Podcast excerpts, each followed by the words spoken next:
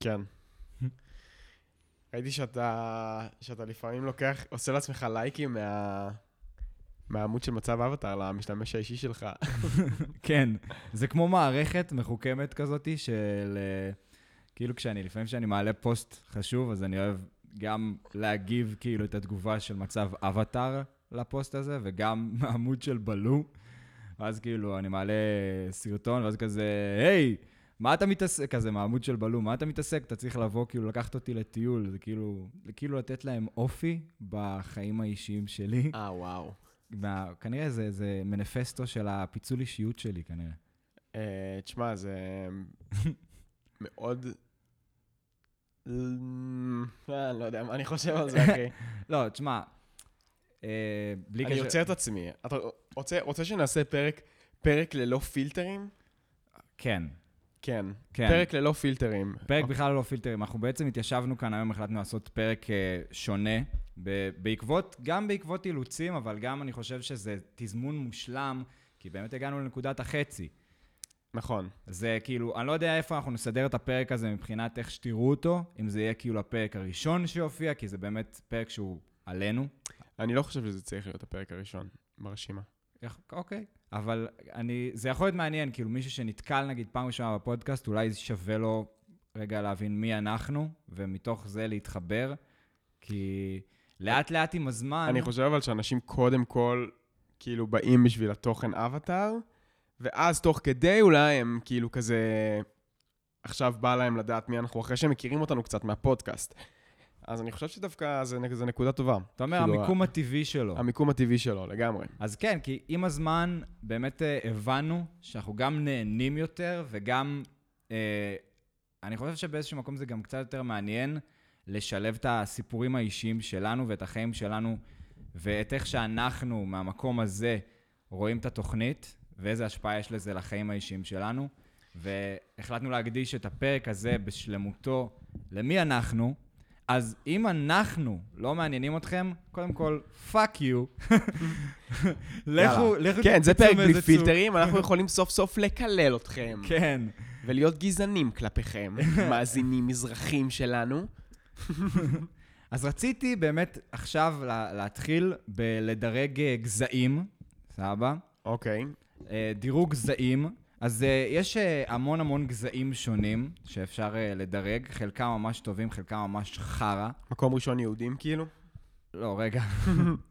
אז קודם כל, הגזע הראשון, ואני לא חושב שיש כזה הרבה הבדל בין הגזע הזה לגזע השני, כאילו. הם כאילו, הם בדיוק אותו דבר. וזה גזע אלון אפריקאי ואלון אה, מצוי ישראלי. נכון. זה שני גזעים, זה שני גזעים באמת אה, דומים, למרות שהמביני עניין יודעים שאחד בבירור הוא יותר טוב מהשני. כן, איזה? היהודי. מה יהודי? לא, אנחנו לא מדברים על עדות, אנחנו מדברים על... אה, לא, על עצים. גזע של עצים, כן. נכון, אז עץ אלון אפריקאי ועץ אלון יהודי, אז אה, טוב, זו הבדיחה שלנו להתחלה. אוקיי. בכל מקרה, תשמע, אחי, זה הייתה, זה... בואנה, עברנו דרך לא רעה בכלל, כאילו. כן. אני יכול להיכנס ועכשיו לראות באמת מתי העלינו את הפרק הראשון שלנו ומתי התחלנו את ההקלטות האלה, ועשינו סיבוב של כמעט 180 מעלות. אתה- מכיר את זה שאנשים לפעמים כזה עושים איזה מין פוסט מרגש על החיים שלהם, ואז הם כזה כותבים, איפה אני היום ואיפה אני אז, זה ממש סיבוב של 360 מעלות, והם לא, והם לא מבינים שזה, חזרת בדיוק לאותה נקודה, טמבל. כן. אגב, כן, לא, אני, אני גם חשוב לי להגיד שכל הקטע הזה עם היהודים זה... זו בדיחה, כן. אה, דיברנו על גזעים למה אני של אמרתי עצים. משהו שנוי במחלוקת? אני לא מבין.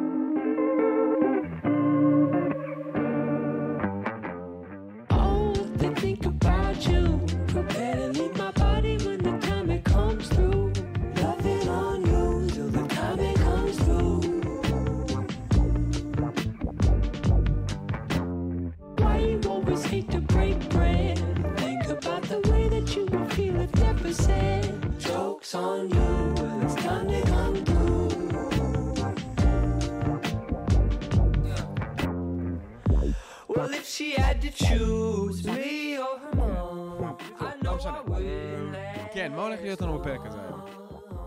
כן, אז בואו נדבר קצת יותר על מי אנחנו. מה הביא אותנו לעשות את הסדרה הזאת, מה קרה בחיים שלנו מאז שהתחלנו, איפה אנחנו נמצאים היום, מה קורה קצת בחיים שלנו, ולא יודע, לתת לחבר'ה שמאזינים לנו יותר רקע על מי המנחים האהובים. איפה, איפה היית ממקם את אבטאר, כאילו, מבחינת הסדרות שלך, שאתה, שאתה הכי אוהב? או, אתה יודע, ישר נכנסת, ישר נכנסת ל- לג'יפה, אה? כן. כי אתה יודע את התשובה. איפה, תשמע, אבטאר בשבילי, ומעניין איך אנשים יגיבו לזה, כי חלקם בטוח יודעים את זה, זו סדרה שאני מאוד מאוד אוהב, אבל היא לא מקום ראשון אצלי, בכלל לא.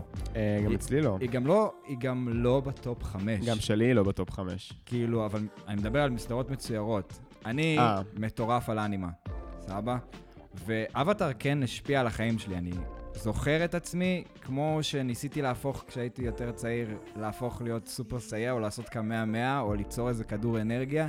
ככה גם ניסיתי לקשף מים בבריכה או במקלחת. וואי, איך האמנו לזה, אה? כאילו, כן. איך אשכרה, אני, כן, אני מזדהה עם זה, אני כאילו, הייתה בי אמונה אמיתית בתור ילד, שאני אצליח להזיז את המים האלה, שאני אצליח לייצר כדור אנרגיה אם אני ממש ממש אתרכז, אבל כאילו...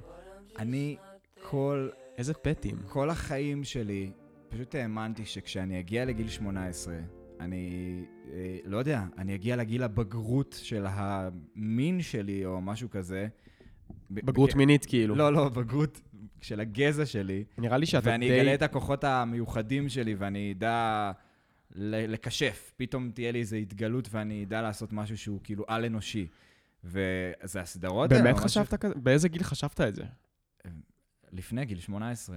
איפשהו במוח, גיל 17? לאט לאט זה דעך ודעך, אבל אני עדיין באיזשהו מקום בחיים שלי מרגיש שכאילו רוצה להאמין שיש דבר כזה כוחות מיוחדים, כאילו, ש, ש, שאולי אם נצליח להגיע לאיזה מין נקודה במוח שלנו, נדע איך לעשות מניפולציה לחלקיקים באוויר סביבנו.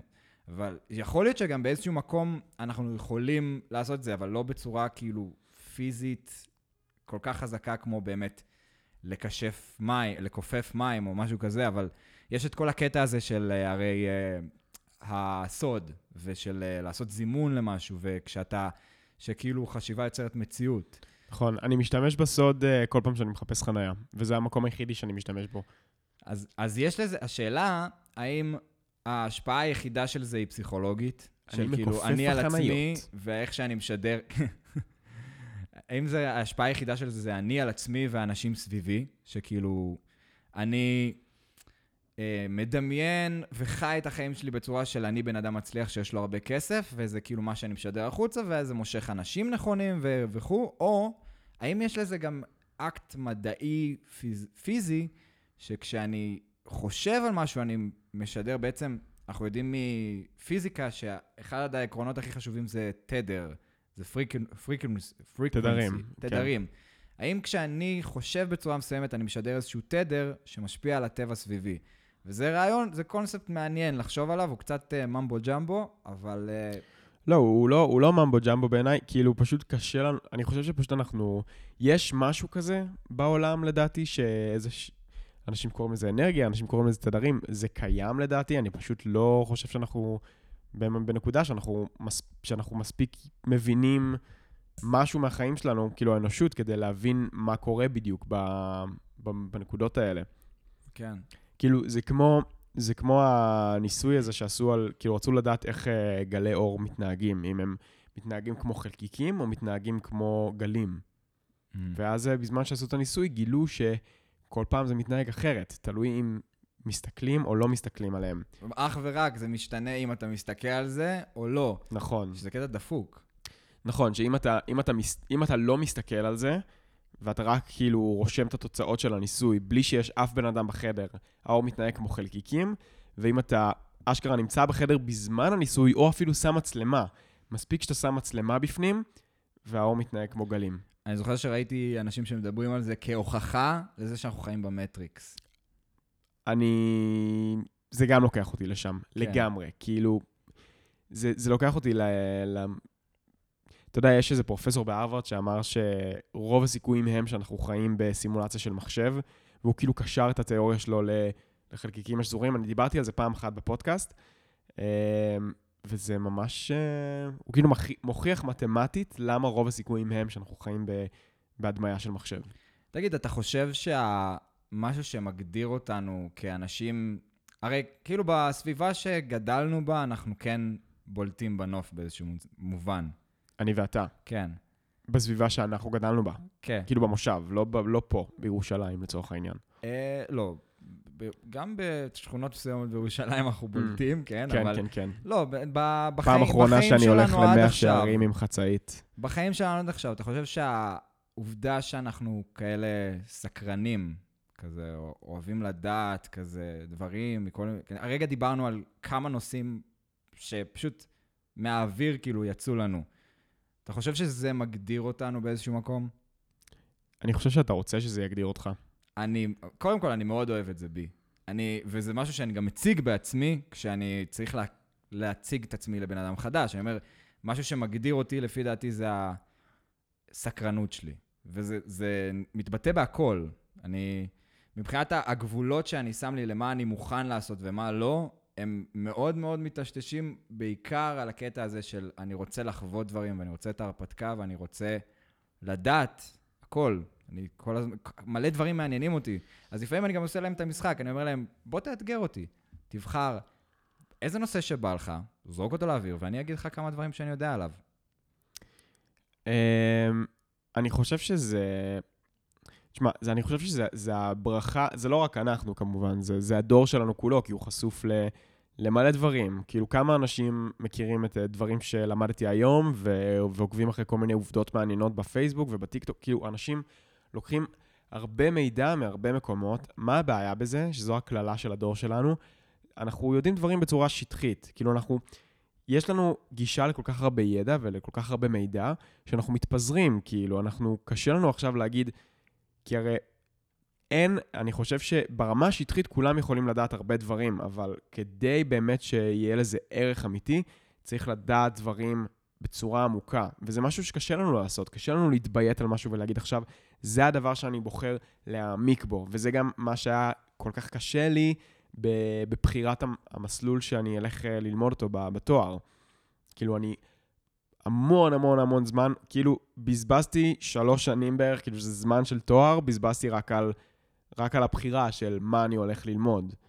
אז... אה, אבל עכשיו שאני לומד, אני יכול להגיד שזה דווקא, שזה דבר שאני חושב, אני חושב שהוא לאו דווקא בפלטפורמה של תואר, אבל הוא הכרחי.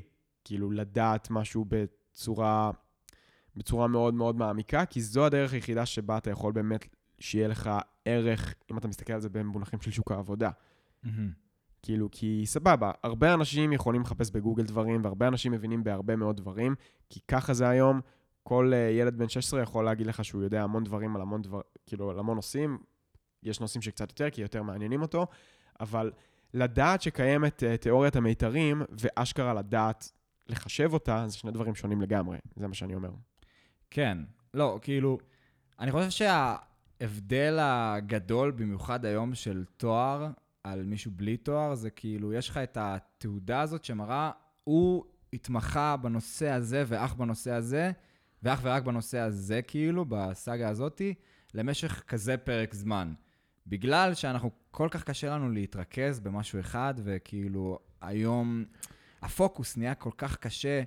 כאילו פעם, היית הולך 100 שנה אחורה, אתה רואה, הולך למקום, ואתה, גם היום אתה תמצא את זה, אבל זה קצת יותר נדיר, אתה רואה מישהו שכל החיים שלו, כל המשפחה שלו, דורות על דורות, הם סנדלרים. זה מה שהם יודעים לעשות. והיום זה נהיה כל כך יותר נדיר, ו... וזה היופי שכשבתור נגיד מעסיק... אבל למה זה נדיר? זה נדיר בגלל המהפכ... מהפכת המידע. כן, של כאילו, האינטרנט פשוט אה, כאילו החריב בקטע טוב את, ה, את התקופה הזאת, כי עכשיו הידע, ידע נמצא בכל מקום, ואם פעם, אם, אם אבא שלך היה סנדלר וסבא שלך היה סנדלר, אז אתה היית מסתובב איתם, וזה היה, וזה היה התחום התמחות שלך, כי פשוט היית חי את זה. היום כל אחד יכול להיות כל דבר, וזה מה שמטורף בדור הזה. כן. אני... הנושא הזה של כל אחד יכול להיות כל דבר, הוא פשוט תמוה בי, כאילו ברמה חבריי. תמוה או תמוה? מה ההבדל? תמוה זה כאילו... תמוה עם ה' זה כזה משהו תימ... כמו תימהוני. לא, תמוה. תמוה, כאילו, תמוה. יענו טבוע בך, טבוע בי. חרוך בך, חרוך בי, כן. חרוץ. חרוך בי. רציתי לנצל את ההזדמנות שאתה ככה יושב מולי, ואני יושב מול חבר מאוד מאוד טוב שלי, שמכיר אותי המון זמן, ולגעת איתך, כי גם הרמת את הנושא הזה, שאני ממש כאילו, אני, אני גולש למקום שלי כאילו כיוצר תוכן, שזה כאילו ה passion שלי, לשם אני רוצה להגיע, ו... למה זה ה passion שלך? או, שאלה מצוינת. אתה, אתה רוצה שאני אענה על זה עכשיו, או שאני אשאל את מה שרציתי לשאול? אה, לא, אני רוצה-. אני רוצה שתענה על זה עכשיו. אוקיי. למה זה ה passion שלי? חשוב לי אה, להגיד גם, לפני שאתה עונה על זה, שהשאלה הזאת עכשיו היא גם ספציפית מעניינת, כי אני גם... מה שאני, מה שאני לומד בתואר, אגב, חלק ממה שאני עושה זה, אני לומד אינטרנט וחברה. ויש לי קורס שלם, שבו אני כותב עבודה עכשיו, שחוקרת רשתות חברתיות, אה, תופעות באינטרנט, אה, כאילו, ועל כל הספקטרום שלהם, כאילו גם טיקטוק, גם אינסטגרם, גם יוטיוב, כל דבר שהוא באזור הזה, אני לומד אותו, למדנו על אינפלואנסרים, למדנו על מלא מלא דברים, כאילו שהם העולמות שלך. אה, ועכשיו, אחרי שיש לי פרספקטיבה קצת אחרת על זה, אז זה עכשיו עוד יותר מעניין אותי למה, כאילו, מה מושך אותך בזה? אז אני אתחיל מהתשובה ה... כאילו, היא לא פרקטית, היא באמת כאילו זה מה שהנפש שלי רוצה, אבל אני אכנס אחר כך ליותר כאילו עסיסי, הג'וסי. למה הנפש שלך רוצה את זה? סבבה. אז אני רוצה להיות חופשי. אני חי בעולם שאני רואה אנשים משועבדים לאיזה תהליך, לעבודה, למרדף אחרי כסף, מרדף אחרי משמעות, מרדף... כל הקונספט הזה של ה... שיש איזה מסלול, שאתה יודע, זה גם נורא מגדיר את השלב שלנו, שאנשים מתגייסים לצבא, טיול אחרי צבא, לימודים, ואחרי הלימודים מוצאים עבודה, ואז אותה עבודה, ואז פנסיה וזה, וזה כאילו כל כך לא מושך אותי, שכשראיתי את העולם הזה של יצירת... זה לא מושך אותך או שאתה מפחד מהעולם הזה? לא מושך, אני, הקונספט הזה דוחה אותי. כאילו, זה, זה, זה מה שאני אומר, כשאני חושב עליו זה עושה לי התכווצות, כי זה מרגיש לי רובוטי וזה לא מעניין, וכאילו, יש לנו זמן מוגבל בעולם הזה, וה, וזה, וזה כאילו, זה, זה מרגיש לי אישית לחיים שלי, שזה לא, לא המציאות, לא העתיד שאני רוצה לחיות בו בחיים שלי. כאילו, זה לא, זה לא משרת את האמצעים שאליהם אני רוצה להגיע. לפחות אבל- ככה אתה רואה את זה היום. אני גם, אני גם יכול להגיד לך שאני פעם הייתי בנקודה כזאת. כאילו שאמרתי, כן, מה התואר וזה, ומה צריך את זה, זה בסך הכל אה, איזו השתעבדות, ואתה... כן, ואמרתי, מה, המסלול הרגיל והמיינסטרים ולא, לא, לא, לא. אה, אבל אה, המציאות היא הרבה יותר מורכבת מזה, אחי. נכון. כאילו, זה שהרבה אנשים הולכים ללמוד מדעי המחשב לצורך העניין, אה, זה לא אומר, זה לא אומר שאנחנו הופכים להיות אותו בן אדם. ועדיין, כאילו, זה פשוט, זה מין, יש, יש איזושהי הבטחה ב, בלמידה של המקצועות האלה, מבחינתי לפחות, של, שאני חושב שאם המטרה שלי גם, נגיד לצורך העניין, זה להיות חופשי, חופש כלכלי, לעשות מה שאני רוצה, לעסוק בדברים שמעניינים אותי, אז זה סוג של, אה, זה סוג של פתח לשם. כי ברגע שאתה לומד משהו, שאתה יודע שאוקיי, וואלה, יש מצב, אני אסיים את התואר, אני אוכל לעבוד 50% משרה, ואני יודע גם שזה מעניין אותי עכשיו, כי אני לומד את זה, אני אוכל לעבוד 50% משרה, לעשות כסף ממש טוב, ואז יהיה לי, בשאר הזמן, יהיה, יהיה, אני, אני אוכל להיות חופשי, או אני אוכל להגיע לעצמאות כלכלית יחסית מהר, כי אני ארוויח משכורות גבוהות. כן. אתה מבין? אני, אני מבין אותך, איפה אני רואה את זה בחיים שלי? זה כאילו, אני רוצה להיות חופשי.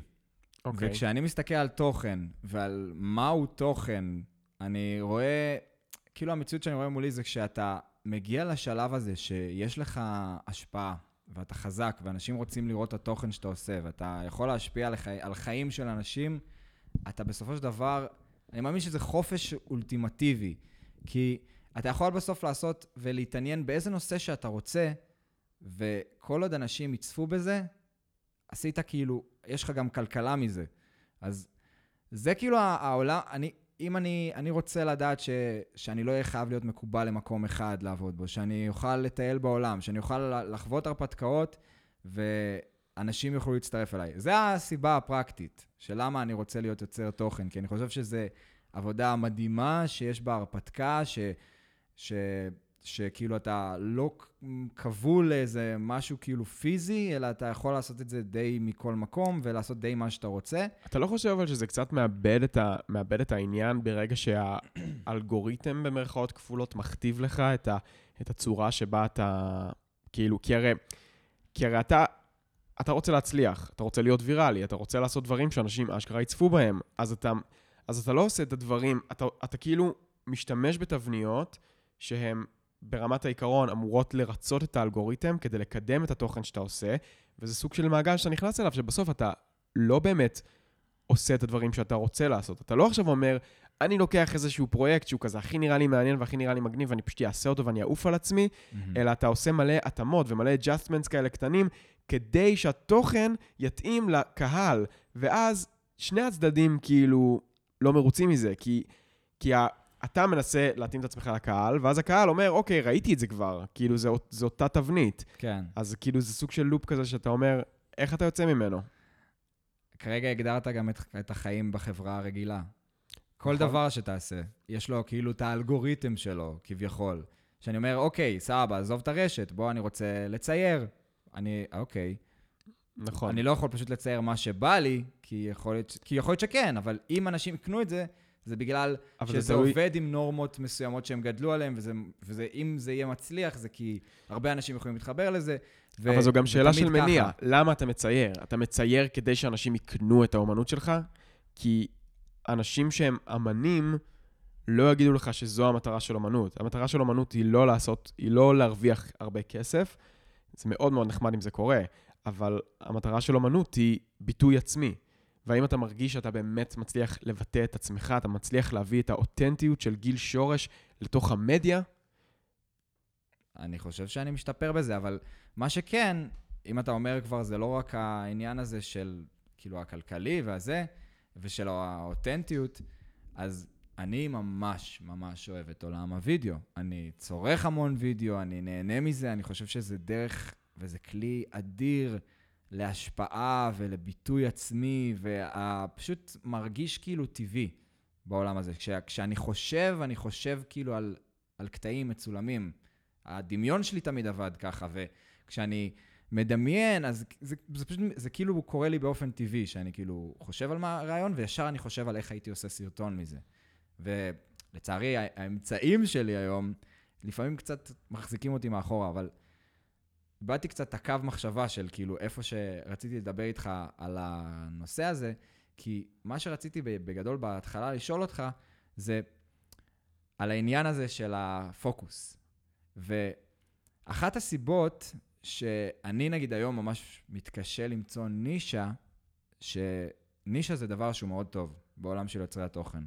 כי זה עוזר, אוקיי, בוא נתחיל מההתחלה. יש היום המון תוכן, המון המון תוכן. בכל המון, מקום יש הצפה.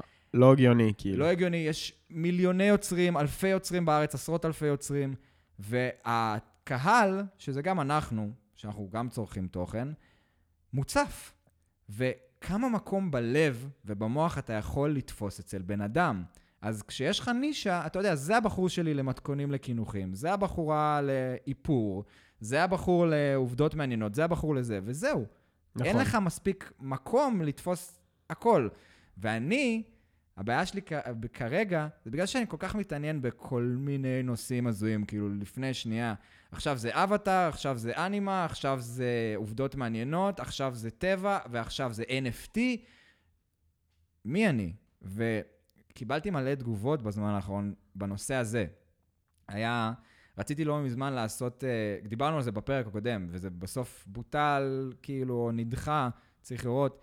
רציתי לעשות איזה לייב על NFT, כי זה משהו שנכנסתי אליו לאחרונה, והוא מאוד מעניין, וגם נראה לי נושא שהוא מאוד כללי, הוא לא איזה נישה ספציפית, הוא דווקא נוגע בהכל כזה.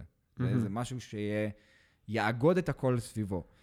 ויצא לי לדבר עם מישהו שהוא חזק בתחום, אה, בלי לזרוק שמות, מיסטר שבק, סבבה. לא יודע מי זה, אוקיי. כן, אולי מישהו פה מכיר.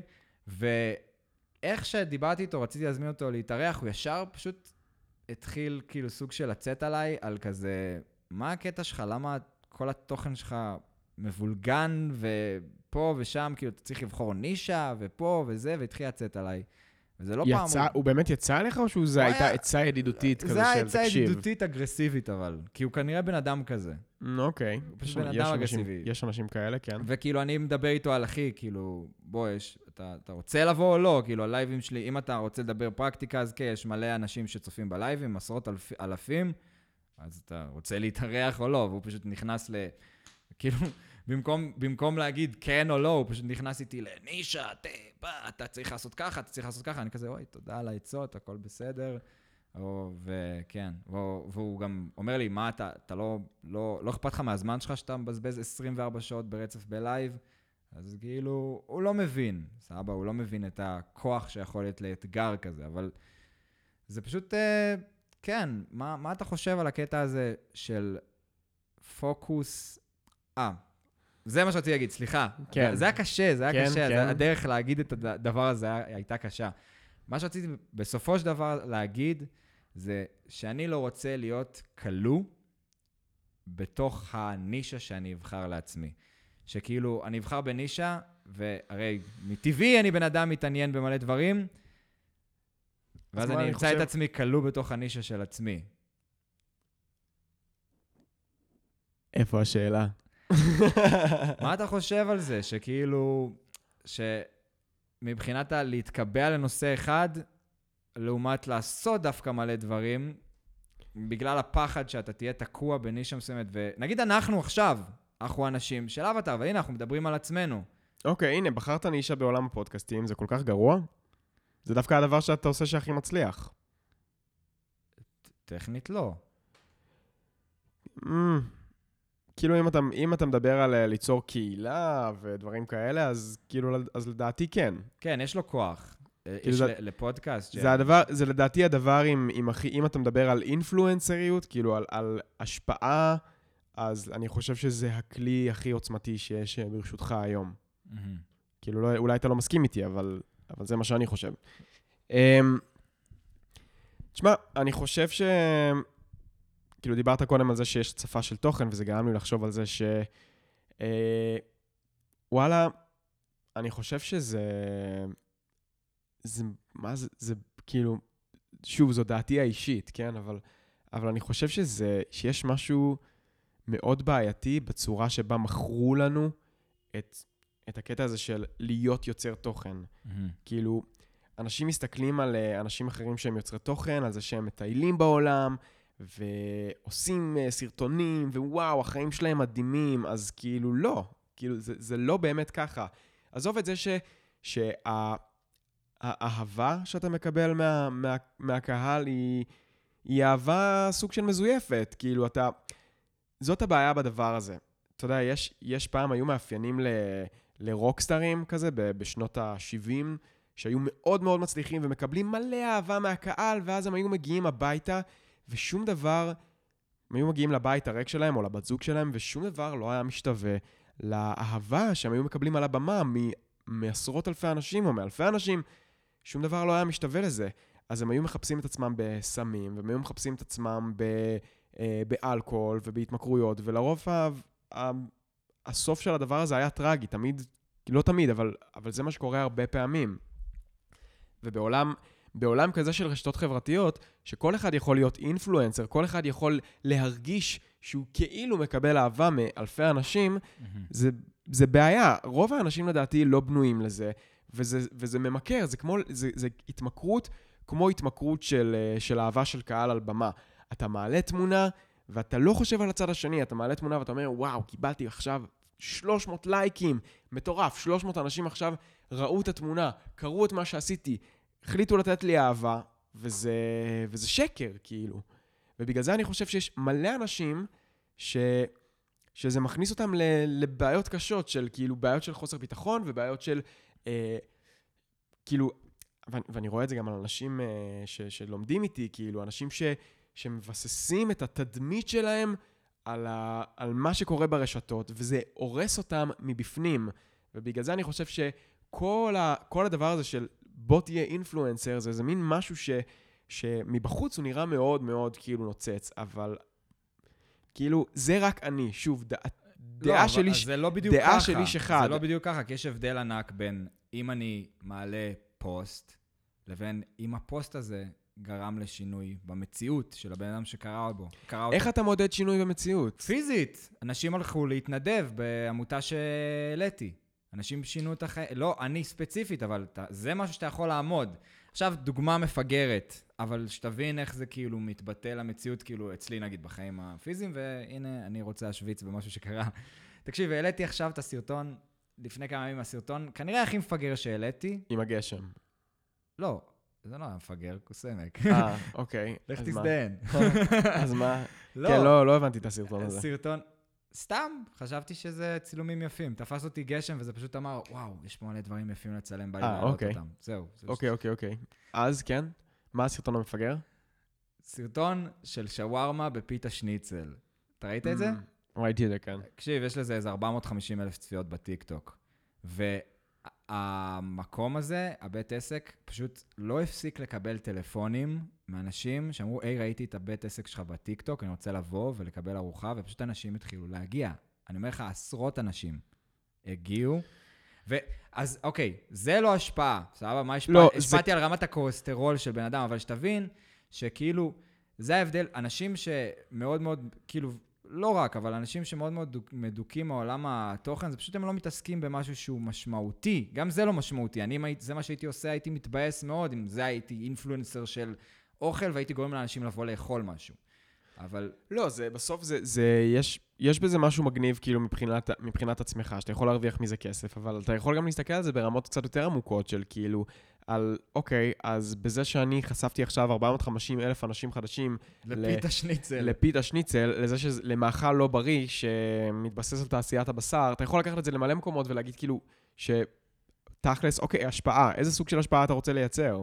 נכון, אז זה מה שאני אומר, אבל אתה, מה שדיברת על הקטע הזה שבסוף זה לייקים ו, ותגובות וזה זה הבל הבלים, זה נכון במידה מסוימת, כי יש באמת מקומות חזקים, כמו yes theory, נאס דיילי, מקומות שה- שהאימפלמנט שלהם, שהפלאג שלהם למציאות הוא חזק, ואנשים אשכרה משנים דרכי חיים בעקבות הנושא והסאגה של התוכן שלהם. yes theory, חזק מאוד.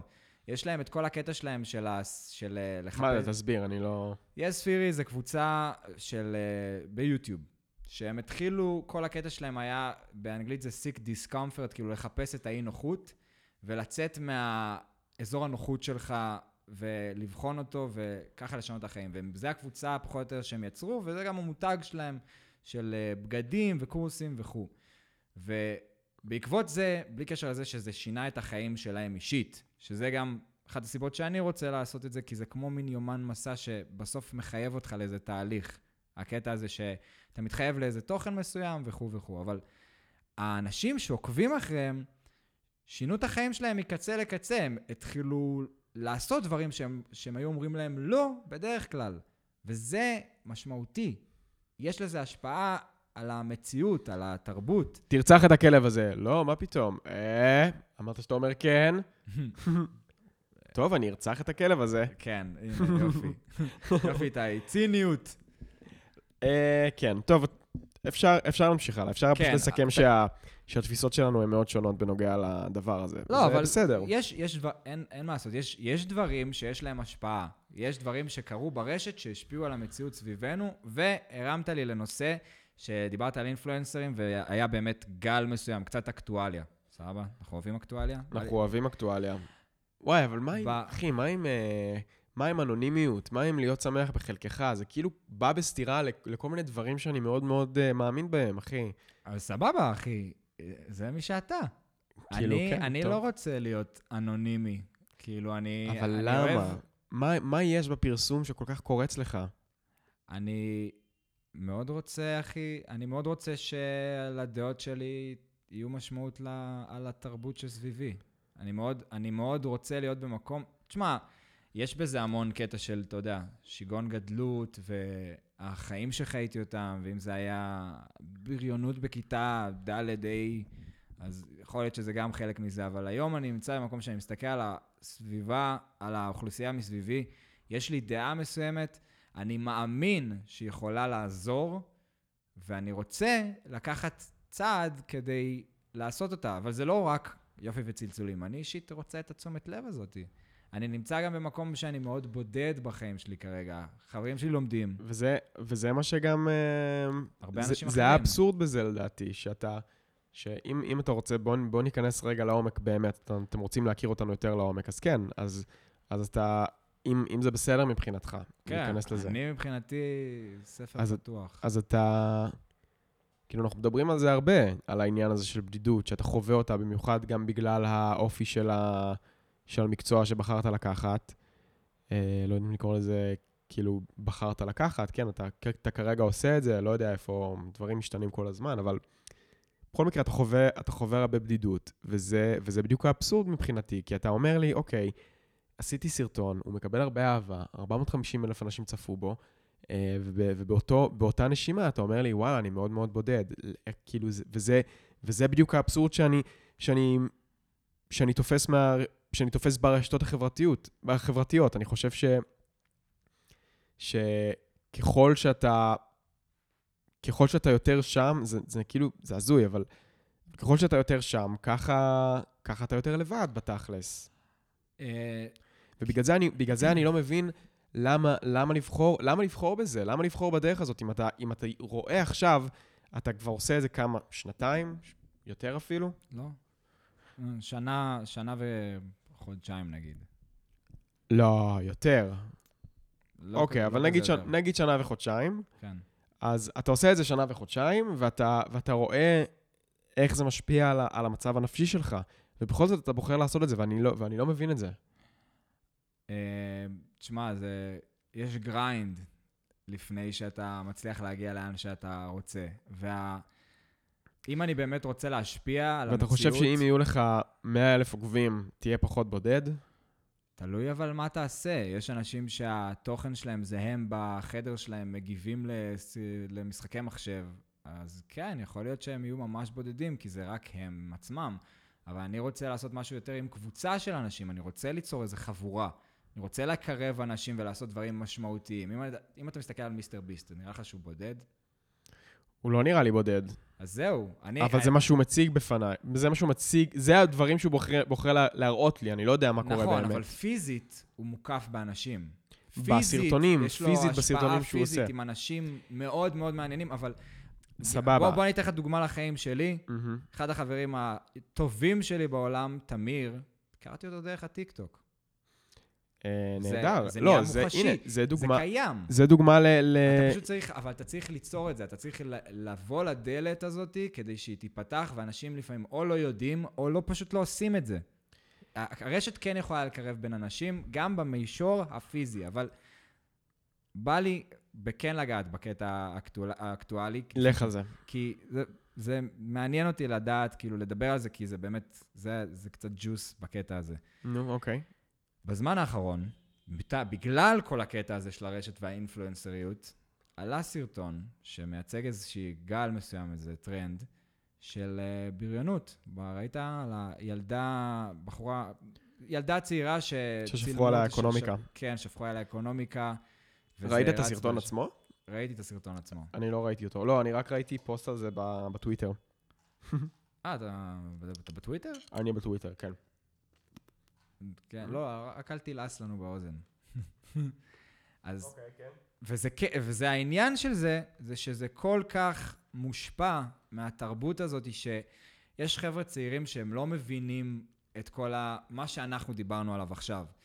הבדידות והדבר האמיתי שנמצא מאחורי יצירה ברשת, ואיך באמת זה משפיע על החיים של אנשים, וכאילו אתה רואה רק צד אחד, ויש הרבה קושי שנמצא מאחורי זה, והם פשוט חושבים, סבבה, יראו אותי במלא מקומות, והעיקר שזה יהיה ויראלי. ויראלי, ויראלי, ויראלי, ולא אכפת להם מה יהיה ההשלכות של זה. אז הם פשוט מנסים למצוא את הדבר שיגרום להכי הרבה אנשים לצפות, והן עושות דבר כזה, שהן שופכות על ילדה אקונומיקה. כי... קרה לה משהו מזה? פיזי? כאילו, אתה יודע אם... אה, לא, לא יודע אם כוויות או דברים כאלה, אני יודע שהיא העלתה לא מזמן סרטון, היא הייתה נראית בסדר, כאילו, כאילו לא פצועה או משהו כזה, ופשוט, אתה יודע, פגיעה פיזית, בני כמה הם היו? לכל החיים. צעירות, בין כיתה ז' לו', אה, בין כיתה ז' לט'. אוקיי. והגל הזה מאוד מונע באמת מהאנשים האלה שהם... הרי, אוקיי, אני פותח לייב בטיקטוק, מה הדבר שלא מפסיקים להגיב לי? אפשר עוקב, אפשר עוקב, אפשר עוקב, תעקוב אחריי. כאילו, הם כל כך מונעים מזה שיהיה להם מספר עוקבים כדי להשוויץ בכיתה, וזה לא שהם מעלים תוכן אפילו, הם פשוט רוצים זה מזעזע. בעיניי. זה, זה באמת, אני גם חושב שזה מזעזע. זה כאילו, מילא היית כאילו- יוצר משהו, מילא, אבל פשוט רוצים מספר עוקבים גבוה, הם פשוט רוצים את הצפיות, בלי... אני עוד באיזשהו מקום אומר, אוקיי, בא לי לעשות את זה במשהו משמעותי בחיים שלי. אבל שם זה... אפילו ההבנה הזאת לא קיימת, כי הם עדיין צעירים, הם עדיין לא פיתחו אופי, הם פשוט אומרים, הנה איזה כלי מגניב, אני רוצה להיות מפורסם. אני רוצה להיות מפורסם, זה הקטע. אני בא לי להיות מפורסם. אבל נראה לי שגם אצלך זה קצת ככה. אני רוצה להיות מפורסם, אבל אני לא, לא רוצה את זה סתם כדי להיות מפורסם, אני רוצה כאילו שזה יהיה משמעותי. אני רוצה שזה יהיה Mm. חיובי. אני רוצה להיות חיובי ב... אני לא מוכן... זה מה שאתה מציג לפחות, אבל אבל תשמע, אני- אתה אני מכיר חייב- אותי. אתה, אתה מכיר אותי, מכיר שהיה את אותך. כל הקטע... אוקיי, בוא נדבר. היה את כל הקטע של, של המתיחה שלנו עם תובל שפיר. איך זה גרם לי להרגיש בזמן הזה שאמרתי, אוקיי, בוא בכל זאת נלך לדרך הפרובוקטיבית, ונייצר קצת באז. היי, זה פשוט, לא, לא, לא היה לי נעים בבטן, כאילו מצד אחד זה היה נורא מרגש ו- ו- וכיפי כזה להתסיס, אבל ביום-יום, אחי, דיברתי איתך עם הפחדים שאולי הוא ידפוק לנו ברז, עם הלחצים שכאילו, fuck, אחי, אני לא רגיל לקבל כל כך הרבה hate, ואני לא אוהב את זה. אני לא אוהב את, ה... כי- את הבאז אוהבים, השלילי. לא, כולם אוהבים שאוהבים אותם, בסדר, אבל אני, אני אגיד לך מה הקטע. כאילו, אני, אני חושב גם שאנחנו דיברנו, דיברנו מספיק על הנושא הזה, אבל, כן, אבל אני אגיד לך, אני אגיד לך מה הקטע. אני חושב ש... גם אצלך, אני לא יודע אם אתה, אם אתה חושב את זה על עצמך או לא, אבל אני חושב ש... שהדבר שאתה אומר שאתה רוצה, שאתה רוצה אותו בשביל הדברים, כאילו, אתה אומר, אני רוצה שתהיה לי השפעה חיובית וזה, ו... כאילו, לא יודע, אני, אני לא מאמין ב... אני... כאילו, שוב, הכל אה, בפרופורציה, כן? אבל אני לא מאמין בטוב האנושי הזה, שכאילו כולם במרכאות כפולות, ש... שכזה אנשים רוצים אה, להיות מפורסמים כדי שהם יוכלו לעשות טוב בעולם. אני לא מאמין בזה. ואני חושב שאם, שאם אתה באמת רוצה, לעש... כאילו, אם אתה באמת רוצה להצליח ברשת, לדעתי, שוב דעה אישית, אתה צריך להציג את כל הצדדים שלך, ולהציג את זה באמת בלי פילטרים, את כל הצדדים הכי אפורים והכי שחורים, והכי כאילו... כי אני, אני חושב שזו הדרך, כאילו, אתה... אנשים מחפשים חוויה של אותנטיות. וברגע, אוקיי, מיסטר ביסט, אחלה, מגניב, הוא עושה דברים מגניבים ומטורפים שעולים עלי כסף וזה כזה מגניב לצפות בזה, אבל האם אתה מרגיש שאתה, שאתה יודע, לא יודע, שהוא מציג בפניך את המציאות שלו? אני מרגיש שבן אדם בן אדם שבאמת רוצה להצליח במקומות האלה, חייב להראות את כל הצדדים שלו, ולא רק את ה, אוי, אני כזה בן אדם טוב, וכאילו, תעקבו אחריי, ות, ו, וכל מי שעושה לי עוקב, אז אה, העמותה הזאת, ולא יודע, כאילו, אנשים לא באמת כאלה. אנשים זה על הזין שלהם, עמותות ועל הזין שלהם הכל, הם, מעניין, מעניין אותם עצמם. נכון.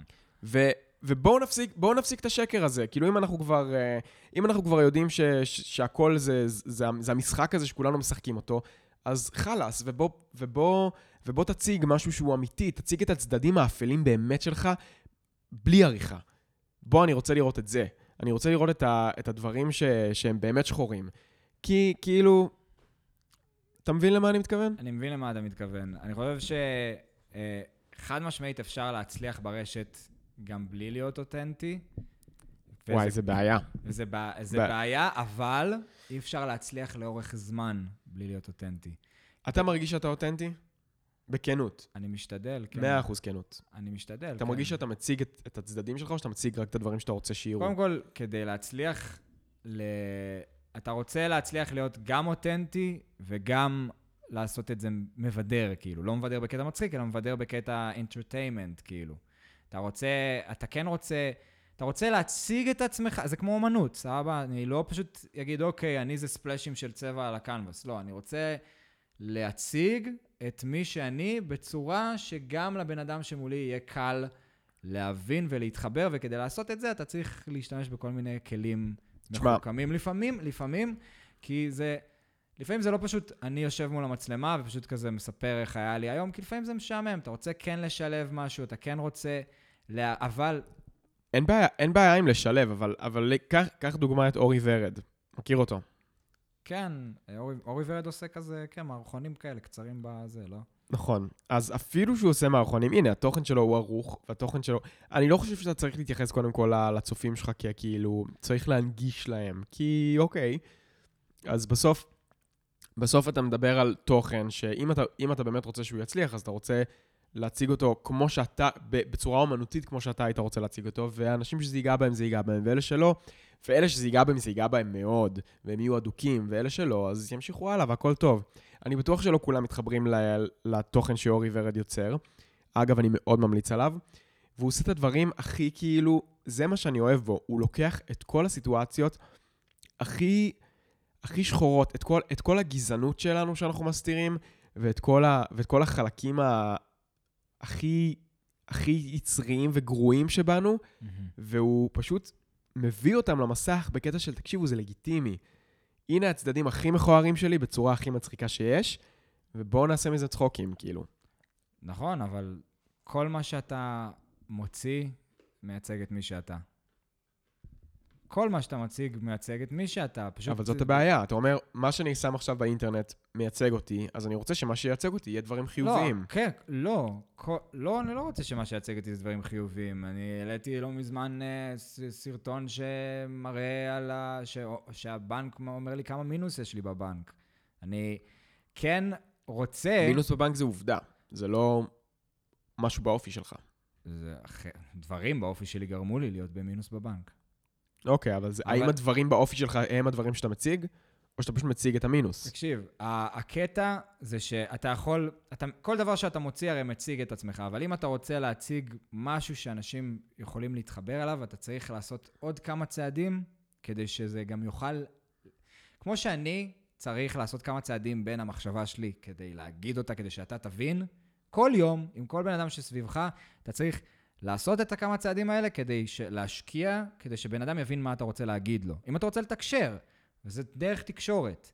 אם אני רוצה שאנשים יבינו מה עובר עליי, אני צריך לעשות כמה צעדים ולדבר בשפה שלהם גם, כדי שהם יוכלו להתחבר ולהבין מה רציתי להגיד. וזה משהו שבמאים מתעסקים איתו, תסריטאים, כל מי שמתעסק ביצירה אל קהל, צריך לעשות את הכמה צעדים האלה של בואו ניקח את הרעיון הזה ונשים לו איזשהו פלאג למציאות, כדי שהבן אדם שמולו יבין מה המטרה, או ייקח, יצליח להתחבר אליו. אז זה תמיד קיים. אתה תמיד חייב לבסס את זה על עקרונות החברה, עקרונות, כאילו אתה חייב לבסס את זה על משהו מציאותי, והאותנטיות היא תמיד, זה יהיה האינטרפרטציה שלך לקונספט, אבל אתה כן תצטרך לעשות קצת כיפופים מסוימים, כדי שבן אדם יוכל ל- להבין אותה, כדי שזה יהיה בשפה. כדי שזה יהיה פופי, בתכלס. לא חייב להיות, זה לא חייב להיות פר סי פופי, אבל כן, כדי שזה יהיה, שזה יהיה מובן. שזה כל יהיה, הקטע הזה של להנגיש את זה לצ... לציבור הרחב, זה הכל הקטע של במיוחד עם פופולריות. העולם הזה של ה full תוכן, שכל כך קשה למצוא משהו שאתה יכול להתחבר אליו כשיש כל כך הרבה. אתה מבין? במיוחד אז אתה צריך להבין ולעשות את ה fine-tuning הזה, אבל זה מה שנקרא על רגל אחת קצת עולם התוכן. בוא נמשיך הלאה, כן. כתבו לנו שאלות אישיות אלינו, בבקשה. וגם לא יצא לנו לדבר הרבה עליך, ואני רוצה גם לדבר על המקום שלך, דיברנו הרבה על עצמי. תודה, הפסיכולוג איתי. אני רוצה, בואו אני אשאל כמה שאלות, ומשם אנחנו נגלוש קצת לאיתי. אז אם הגעתם עד עכשיו, כדאי לכם להישאר, כי... היי, למה אני אם חשבתם בחצי שהחיים השני? שלי מעניינים, אז אתם לא יודעים על החיים של איתי. אה, אז אה, כן. עמית שפילר, שעוקבת אחרינו נאמנה. ריספקט ומה שנקרא שאוט-אוט לעמית, אה, שאלה, מה רציתם להיות כשהייתם קטנים? אתה זוכר מה רצית להיות כשהיית קטן? כן, אני הייתי אומר שאני רוצה להיות ממציאן. ממציאן? כן, רציתי... המצאת תואר כדי להיות ממציא, כאילו, גם לא, המצאת אותו וגם אתה רוצה להיות ממציאן. הייתי אומר את זה, הייתי אומר ממציאן כי הייתי אינפנטיל, אבל, אה, אבל לא, כאילו, תכלס אה, רציתי להיות, אה, אתה יודע, להיות יזם. להיות כן. סטארט-אפיסט. להמציא דברים. איך, איך בגיל צעיר, כאילו, למה? מה, ראית מעבדה של דקסטר? מה גרם לך לרצות להיות ממציאן? וואי, זו שאלה ממש טובה, אני לא, לא אבא יודע. שלך אז היה כבר מתעסק בהייטק? לאבא שלי היה בית קפה. אה, לא ידעתי בתקופה זה. הזאת. כן, היו לו שני בתי קפה. וואו, לא ידעתי שאבא שלך התעסק במסעדנות, זה קשה. כן, ממש. וואו. כן, היו לו שני בתי קפה, אחד אחד בראשון. שיער, עוד קצת שיער על הראש ו- והוא בכושר כזה, אחרי זו שלב כזה בחיים. זו התקופה שהוא אומר שהוא איבד בה את ה... את ה- יש לו כזה חלק בראש שהוא... זה, זו התקופה שבה הוא איבד את ה- את הגוש שיער הזה. חד משמעית. כן, בטוח. אז אה, כן, היה לו היה לו בית קפה אחד אה, בראשון ועוד אחד בחולון. וואו. כן, וואלה. Respect. בראשון. שאוט אאוט לאבא, שאוטות לאבא שמאזין לפודקאסט. שמאזין לפודקאסט. לא מזמן היינו במושב בנסיבות קצת פחות כיפיות, והוא פשוט אה, מאזין ומדבר על דברים כאילו מהפודקאסט, ו... איזה כיף זה. האמת שזה גם, זה גם דרך, זה גם דרך בשבילו כזה קצת לשמוע, אני חושב, ככה אני רוצה להאמין אולי, שהוא, שזה דרך בשבילו גם uh, לשמוע קצת מה קורה איתי, וכזה, יש לך משהו שאתה רוצה להגיד לו עכשיו? וואלה, אוהב אותך אבא, מאוד. מאוד. איזה כיף. כן. Uh, הדברים שאני רציתי לעשות כשהייתי קטן השתנו ממש, כאילו, בשלב מסוים רציתי להיות שחיין, כי דודה שלי הייתה שחיינית והייתה עושה לי שיעורי שחייה. Uh, בטח רציתי להיות כבאי באיזה שלב. ואת האמת שאני, ורציתי להיות חקלאי באיזה שלב, אני באמת, שהיה לי כל כך הרבה דברים, זה כל פעם השתנה, רציתי להיות מתופף, רציתי זה, רציתי זה, ורק אה, אני לקחתי חלום פשוט מה, מהגיל הכי צעיר. אני גם רציתי להיות מוזיקאי באיזשהו שלב. היה לנו, את האמת שכשהיינו בגן היה סרטון שאימא שלי עשתה, על כל החבר'ה, אתה לא היית נכון. איתנו, אמ, שרואים את כל החבורה, כולם יושבים ואומרים כאילו בגיל חמש, שש, מה הם רוצים להיות כשהם יהיו גדולים, וזה, קודם כל זה קורע מצחוק. אני מתנצל, זה לא משהו שאתם תראו אי פעם כנראה. זה סרטון שעולה כל כך הרבה פעמים בקבוצות בוואטסאפ, ואני כזה, די, שחררו, זה לא כזה מעניין. ראיתי אותו כמה פעמים, כי פשוט לא הייתה לי ברירה, היו מקרינים אותו בכל מיני, בכל מיני אירועים כזה של, "אה, תראו איפה הייתם אז ואיפה אתם היום, ואוי, כמה נחמד. ועזוב את זה שאני לא הייתי בסרטון הזה, היה כזה קצת מבאס, כי אני כזה, זה לא גרם לי להרגיש חלק, אבל... אבל כאילו... זה, זה- אבל זה העיקר. לא, זה לא, זה לא העיקר, העיקר הוא שהנה, בן אדם מבחוץ, זה לא מעניין אף אחד חוץ מאתכם, סבבה? זה לא, כל אני חושב הקטע. שזה יפה. אני שמח שאימא שלי עשתה את זה, ואנחנו זה כולנו חמוד, מבסוטים, כי זה לא. נחמד לחזור חזרה ולראות איך היית נשמע, ואיך דיברת, ומה רצית לעשות אז. זה נחמד, כן. ו- ונחמד גם, אתה יודע, אם היום אתה תראה פתאום בן אדם שבאמת עושה את החלום שלו מאז שהוא בן חמש, זה גם סיפור יפה, זה משהו... נכון, שכיף מסכים, לראות. מסכים. זה מע- מעלה את רמת הדופמין במוח. אה, אוקיי, שאלה הבאה. שאלה הבאה. שאלה מיונתן מכבי. המלך. אה, בגדול הוא שאל באיזה שנת שירות יונתן, כן. גיל היה, אבל זה בגלל שאנחנו לא מדברים הרבה על, על זה שאתה היית בשנת שירות, כנראה זה לא עלה הרבה בפודקאסט. נכון. אני בטוח שהוא היה שואל אם היינו מעלים את זה. אז בואו נדבר על שנת שירות קצת. מה זה, איפה היינו, ואיך זה השפיע עלינו קצת. וואי, הלוואי, והייתי יודע שיש לי, שיש לי מאזינים אה, חניכים או מאזינות חניכות מהשנת שירות. זה היה יכול. להיות מאוד מגניב, כן. אני לא יודע אם יש לי מאזינים חניכים מהשנת שירות, אני כן יודע שדרך הטיקטוק נתקלתי בחלק מהם.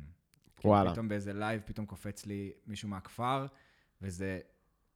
יותר מזה, המלווה שלנו, דמות מה זה חשובה בחיים שלי, אסף, פתאום קפץ לי באיזה לייב, והגיב לי, וכאילו התחיל לכתוב, ואחי, כאילו, כמעט הייתי בדמעות באותו רגע, כאילו, של מה הבן אדם הזה מגיע, והוא בן כמה הוא?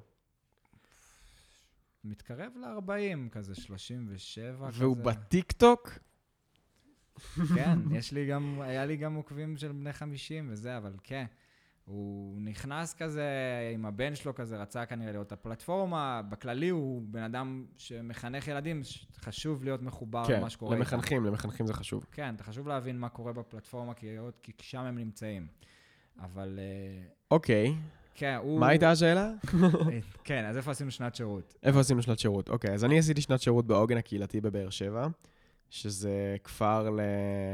לנערים ונערות בסיכון, ואני ספציפית הייתי, אגב, אה, הייתי שינשין, שזו, כאילו, עשיתי, עשיתי את, ה... את ההתנדבות שלי. בבית של נערות בסיכון, שהן כאילו נערות אה, בגילאים 12 עד 18, שהיו מקסימות ונהדרות, ו... וואי, והלוואי הלוואי והייתי עושה את זה בשלב יותר מאוחר בחיים שלי. אני מרגיש כאילו לא הייתי מספיק בשל למקום הזה, לא הייתי מספיק... כאילו, אני, אני, אני מצד אחד מרגיש שזה מאוד מאוד פיתח אותי והיה לי מדהים, ומצד שני אני מרגיש של, שהיום הייתי יכול לתת הרבה יותר. כאילו, שהייתי בגיל 18 עדיין קצת בתוך עצמי, כי הייתי בן 18. אמ, וזהו, אז הייתה לי, בסך הכל הייתה לי חוויה טובה מהשנת שירות. אמ, כן, ואני לא בקשר היום עם, עם אף אחת מה, מהחניכות, שזה די מבאס. זה קצת מבאס, כן. זה, זה איזשהו שלב כזה בחיים שאתה, הוא מאוד משמעותי, אבל באמת הוא סוג של חולף. אתה כאילו, הוא מפתח אותך נורא, אבל יש לך כל כך הרבה דברים שאתה עושה אחר כך, ש... וואי, זה, זה אני מגדיר את זה, אחורה. אני מגדיר את זה כהשנה שהכי התפתחתי בה בתור בן אדם. אני מרגיש שזה לימד אותי כל כך הרבה על עצמי וכל כך הרבה על העולם, שזה פשוט אה, כאילו יותר מהצבא ויותר מ... מהתואר, ולא, כאילו בתור התפתחות אישית, בתור בן אדם, מהמם. אני מרגיש שזה נתן לי הכי הרבה. כן. מה איתך? אני עשיתי שנת שירות בכפר נוער בערד שנקרא נרדים, כפר נוער של אה, אה, ילדים, נערים בסיכון, שהקטע של הכפר הוא כאילו, זה, זה מאוד מאוד דומה בין הרבה כפרים, שיש בעצם משפחתונים, יש מישהי שהיא אם בית, היא כמו האימא של הילדים האלה, ומקבצים אותם לפי קבוצות גיל, יש בית צעירים, בית נערים ובית בוגרים, ויש כמה. ואני הייתי באמת עם הבתים של החבר'ה היותר צעירים. וואו, תשמע, אה, יש לי כל, כל כך הרבה סיפורים ודברים שקרו לי בשנה הזאת, וזה באמת השנה שהכי פיתחה אותי בחיים. יותר מהצבא, יותר מכל דבר, כי שם אתה עושה משהו משמעותי ואתה עצמאי כמעט לגמרי, וזה כל כך אינטנסיבי. אתה לא ישן שנה שלמה. אתה מתעסק בדברים רגשיים כל כך קשים שאתה מגיע איזה יום אחד ל... זה כאילו אחד הדברים לח- הכי, כאילו שנת שירות זה אחד הדברים הכי דפוקים והכי טובים שיש במדינה שלנו. זה... יש משהו טוב בלשים את עצמך במצב קיצון, ש... וזה ממש ממש. קיצוני. זה... תחשוב, הנה סיטואציה. אני מגיע בערב לבקר באחד הבתים, אחת החניכות אה, קוראת לי ל... להראות לי משהו שכביכול שהיא הכינה, ואני נכנס, ואז היא מראה לי שהיא, ח... שהיא חתכה את עצמה. וואו, איך אתה, איך אתה מתמודד עם זה? איך אתה מכיל את זה בתור ילד בן 18, ש... אה, שהיא כאילו, שהחניכה שלך, שאתה מכיר אותה שנה שלמה, כאילו, אתה כמו אחות קטנה, חתכה את עצמה. וזה כופה עליך להתעסק בנושאים שהבן אדם הרגיל שהולך בתלם וזה לא פגש אותו בחיים, לא יחשוב עליהם או ינסה להתרחק מהם ולא יבין מה קורה לאוכלוסיות מוחלשות, לאנשים נוער ורייטי, ילדים שלא גדלו ב... באיזה קוטג', קוטג' נחמד ב... במושב, שלא שהחיים מושלמים במושב, בכלל לא, החיים של שנינו מורכבים וקשוחים בפני עצמם, אבל מה זה ש... מה זה? כאילו... לא, החיים שלנו במושב היו די בסדר. לא, כן, כאילו- חיים נחמדים. עדיין, יש להם את המורכבויות ואת הקשיים שלהם. אני ממש לא מסתכל על החיים שלי בתור איזה הליכה בפארק. כאילו, כשאני מסתכל על החיים שלי, אני רואה כמה קשיים ואתגרים היו לי, כן. שאני עדיין מתמודד איתם, וכמה סיבות יש לי וגם לך ללכת לראות פסיכולוג, כי כן. כי, לא כי אנחנו משוגעים או משהו, כי פשוט, קודם כל זה הדבר הבריא לא, לעשות. אנחנו משוגעים. וכול- כולם צריכים לעשות את זה, כולם צריכים ללכת לטיפול כזה, או לפחות שיהיה להם את המקום הזה שהם יכולים לפרוק ו- ולדבר. בטוח כל המאזינים חייבים.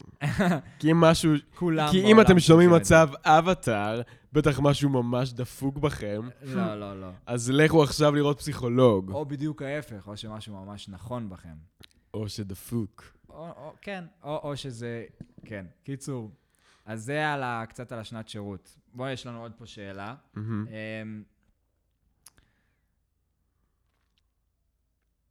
מה הפרק האהוב עליך באבטר?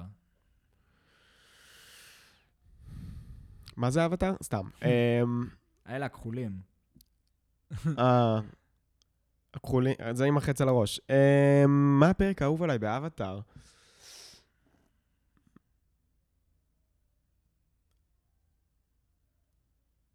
כן, איתי חושב כרגע, הוא מגרד אני חושב, בראש. אני חושב, כן. אה, יש לך בינתיים להגיד? סיפורי בסנסה. סיפורי בסינגסה? כן, זה הפרק האהוב עליך? כן, לגמרי. זו אני- בחירה קלה, אני יודע, אבל זה פשוט... אה, אין, זה, הפרק הזה פשוט בנוי הכי טוב, לדעתי, והוא... הוא, כן, הוא, יש לו, לא יודע, הוא מש, נורא משמעותי בעיניי. אני חושב, אני חושב או כאילו, אה, שה... או זה או פרק יום השמש השחורה, הפרק הכפול, של הפלישה לעומת האש, או... אה, וואי, קשה לי להגיד. אני אלך על זה. יאללה, זה. יום השמש השחורה. זה הראשון שעלה לי לראש גם כשחשבתי על זה. אה, אינטואטיבי, כן, נחמד. אינטואיטיבי. שהשאלה הזאת, דרך אגב, הייתה אה, כן. מלירן משה. לירן משה, אחלה לירן. אחלה לירן. יואו יואו לירן! אה, עוד שאלה מעניינת זה... מה הפחד, גם לירן, מה הפחד הכי גדול שלכם? אתה הראשון. אני הראשון. את האמת שבזמן האחרון יש לי הרבה פעמים פחד מ- ממוות. כאילו, זה משהו ש... ממוות שלך או מוות של... אה, לא, מוות קרובים? שלי. אני, לצערי, כן, אנחנו נכנסים קצת למקום אפל, אבל לצערי, כאילו, חוויתי לא מעט חוויתי. מוות. חוויתי, כן. כן. חוויתי לא מעט מוות של, כאילו, אנשים קרובים אליי, כאילו, אבא, סבא, ו... אז, אז כאילו באיזשהו מקום אני קצת מנותק ממוות של אנשים אחרים, אבל אם חבר, אם אחד מהחבורה, כאילו, חס וחלילה יקרה לו משהו, זה, נראה לי שזה ממש ישבור אותי, כאילו, זה...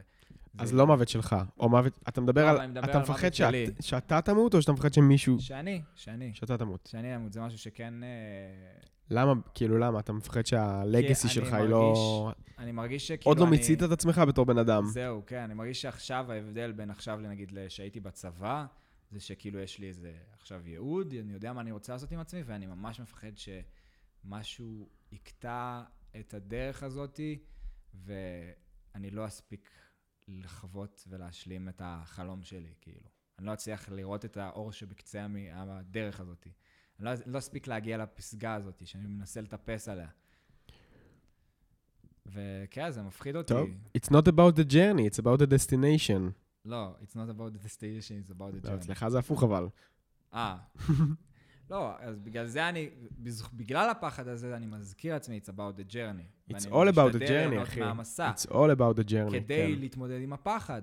אני חושב שגם אולי אצל הרבה אנשים זה נובע משם. מתוך ה... אולי יש איזה פחד, ומשם כאילו מבינים, אוקיי, איך אני בכל זאת עושה לעצמי טוב כרגע, כי רע לי, כי אני חושב על זה שאולי אני לא אגיע לצ... לצד השני. ואז אני אומר, אוקיי, בוא, בוא נהנה מה... מהדרך, ואולי משם הגיעה החוכמה הזאת. וואי, זה מה זה חשוב ליהנות מהדרך, אחי. לגמרי. אה, יש לי, אוקיי, יש לי עוד משהו בהקשר של אבטר לדבר עליו אה, עוד רגע. אז הפחד הכי גדול שלי הוא דווקא... אה, אני מפחד דווקא לאבד אנשים שקרובים אליי. כאילו, זה פחד יותר גדול אצלי. אני כאילו... אני יותר מפחד שחס וחלילה מישהו מהמשפחה שלי ימות, מאשר שאני בעצמי אמות. כאילו, זה יותר מפחיד אותי. כאילו, אני... גם אתה יודע, כשאתה מת אתה מת, אז כאילו... כן. זהו, נגמר, אז סבבה. אבל, אה, אבל כן, כאילו, אם עכשיו חס וחלילה משהו קורה למישהו מהמשפחה שלי, זה, זה, זה באמת הפחד הכי גדול שלי. אני גם, אני, האמת שדיברתי על זה לאחרונה עם אה, ידידה ממש טובה שלי מהתואר. אבא שלי היה אמור לבקר אותי השבוע ב, בירושלים, ו, ודיברתי איתה על זה גם, הייתה לנו שיחה על פחדים וכזה, אז, אז שיתפתי אותה בפחד הזה, בגלל זה גם יש לי את ה... יש לי את זה שלוף מראש. וביום למחרת אבא היה אמור לבוא לבקר אותי, ואחרי שדיברנו על השיחה הזאת, ואחרי שאמרתי כאילו אם משהו יקרה, כזה טפו טפו טפו, ודבקתי על, אה, על, על עץ איזה כמה פעמים באותו יום, אז, אה, אז לא רציתי שהוא יבוא, כי פחדתי שיקרה לו משהו בדרך, כזה בגלל שהייתי עסוק בזה מאוד ב, ב, באותו יום לפני, אז לא היה לי דחוף שהוא יבוא, כי כאילו פחדתי ש, שיקרה לו משהו בדרך, לא יודע, זה היה איזה סוג של אמונה תפלה תפוקה, ואני יודע שזה כאילו, אי אפשר למנוע מאנשים אה, לנסוע במכונית או, או לצאת אל העולם, אבל כזה באותו רגע אמרתי, וואי, אני... לא, לא בוער לי שהוא יבוא, כי אני מפחד שיקרה לו משהו. זה הפחד הכי גדול שלך? לגמרי. אז כן, אני רק יכול להגיד על עצמי שכאילו, בגלל שאני יודע שאני אמשיך לחיות וכאילו הכל יהיה בסדר, כי חוויתי את זה, זה, זה לא הפחד הכי גדול שלי, כאילו, אבל זה מאוד מפחיד אותי. זה מפחיד. של כאילו, פתאום לשמוע שיקרה משהו לאח שלי, או לאימא שלי, אפילו שאני לא הכי קרוב אליהם בעולם, כאילו, יש לי את ה... כש... קשר מורכב, אבל uh, זה, זה גם, זה פודקאסט בפני עצמו, Mm. להיכנס אליו. כן. אה, כן, אז אה, תשמע, יש לך, אז בוא, בוא נדבר על מה קורה קצת בחיים שלך, ומשם נתחיל לדבר קצת על העתיד שלנו. אוקיי. אז קודם כל, מה שרציתי להגיד קודם גם בהקשר של אבטאר, זה ש... אני, הנה, אוקיי, אני, אני אקשר את זה לשאלה שלך גם, סבבה? אני אקשר את זה לשאלה שלך. כן, כן, כן, אני אני, אקשר. אני בעצם סימנתי לאיתי כרגע, שכאילו נראה לי. קצת האנרגיה שלנו לא, למה? אני- ואני אני רוצה שנקפיץ אותה חזרה. אני דווקא מרגיש שאנחנו ב good vibes לגמרי. כן, אני חושב שהיינו, אני, נגיד, אני מבסוט על הקצב של עצמי, נגיד עכשיו, שלא אהבתי בקצב בפרק הקודם. ואני כאילו דווקא, אני לא חושב שאנחנו בפרק הקודם מבחינת האנרגיות. כאילו, אני כן. חושב שהאנרגיה שלנו היא בסדר. אני לפחות מרגיש שאני הרבה יותר בטוב. אז הייתי גמור, אבל... אה, קיצור, החיים שלי עכשיו, דבר אחד שאני עושה, שכולכם יודעים שאני עושה, זה הפודקאסט. אה, ומה שרציתי להגיד בהקשר הזה קודם, זה שאני... בהקשר של It's not about the destination, it's about the journey, שדיברנו על זה בפרק עם אה, מנהרת אוהבים, you have the destination fever. ש- you have the destination fever, שאני אני מת על זה שאני פעם בשבוע עוצר רגע, ואני חושב על כאילו, על, הנה, יש לי פה סדרה מאוד מאוד חכמה, ואני, ואני מוצא בה חוכמה. ואני אומר, איזה דברים אני יכול לקחת מה, מהסדרה הזאת ולחיים האמיתיים שלי. ויש פה דברים שאנחנו מדברים עליהם, כמו מה שדיברנו בפרק עם אירו, על מה הופך אותנו להיות אנשים שלמים יותר, או על זה של It's not about the destination, זה משהו שמלווה אותי עדיין. אני, אני עדיין, זה עדיין עובר לי בראש ברגעים מסוימים בחיים שלי. מה שדיברנו על צוקו בהקשר של, של אה, זהות ובהקשר של הצלקות שלנו, הדברים האלה, הם מלווים אותי, וגם, וגם אגב, בהקשר של צוקו, זה, זה, זה גרם לי גם לעשות משהו מאוד מאוד אמיץ. אה, של, של פוסט ש, שפרסמתי בפייסבוק ובאינסטגרם שלי, וזה, ובסוף היה שם רפרנס קטן למה שדיברנו עליו בפרק עם צוקו, ממש בשורה האחרונה של הפוסט, של כאילו הצלקת שלנו לא מגדירה אותנו. אז אה, העליתי לפייסבוק את הצלקת שלי, ו, וזה הרגיש טוב להגיד כאילו, וואלה, זה חלק ממני וזה לא מגדיר אותי, ו, וזהו. אתה שמח שלקחנו את הצעד הזה והתחלנו את הפודקאסט הזה? כאילו, אני שמח ממש, אה, זה, זה, גם, זה גם כיף להגיד שיש לי פודקאסט. אני מאוד נהנה מלהגיד, כן, יש לי פודקאסט. אה, זה היה בקטנה, אה, פודקאסט. כן. אני נהנה להגיד את זה, אבל... אה, יש, לך את הרגע הזה שאתה כאילו אומר, כן, יש לי פודקאסט, ואז שואלים אותך על מה הפודקאסט, ואז אתה כזה, שיט, קיוויתי שלא תשאלו. זה קורה לי כל הזמן, אני לא יודע איך גם להניח את הנושא לא, הזה לא, לאנשים אני- בגילנו. אני אומר. את זה, אני אומר את זה כאילו head on, יש לי פודקאסט על אבטאר. אתה, אומר, אתה לא אומר, יש לי פודקאסט ואז מחכה, אתה אומר, כן, יש לי פודקאסט על אבטאר, ישר ככה? אה, לא, אני קודם אומר שיש לי, כאילו, כי, כי יש הרי חבר'ה, נגיד, אצלי בכיתה ש... שיודעים שיש לי פודקאסט, ולפעמים הנושא הזה עולה, ואז פתאום מישהו שומע ואומר כזה, מה, יש לך פודקאסט? על מה הפודקאסט? ואז אני מסתכל עליהם, בלבן של העיניים, אומר להם, פודקאסט על אבטאר! כן. ואני לא מתבייש בזה. אני מזדהה איתך בזה, זה כן. אבל זה, תמיד זה רגע מצחיק, לפעמים אני כזה מסתכל, ואז אני כזה מגחך, ואז אני כזה, פודקאסט על האבטאר. אז כזה, מה, על הסרט? לא, על הסדרה. זה כמעט תמיד קורה. כן, אנש... כאילו יש- אנשים שלא, שלא ראו את הסדרה, אז כמובן הם לא מבינים, ויש אנשים שלא מבינים, לא מבינים את הקונספט בכללי, אבל אני, אני ממש בסדר עם זה. אני יכול כאילו, להגיד שזה הרס לי כמה דייטים, זה כן. זה הרס לך כמה דייטים? כן. אשכרה. כן. למה? כי לא כולם מצליחים להבין את ה...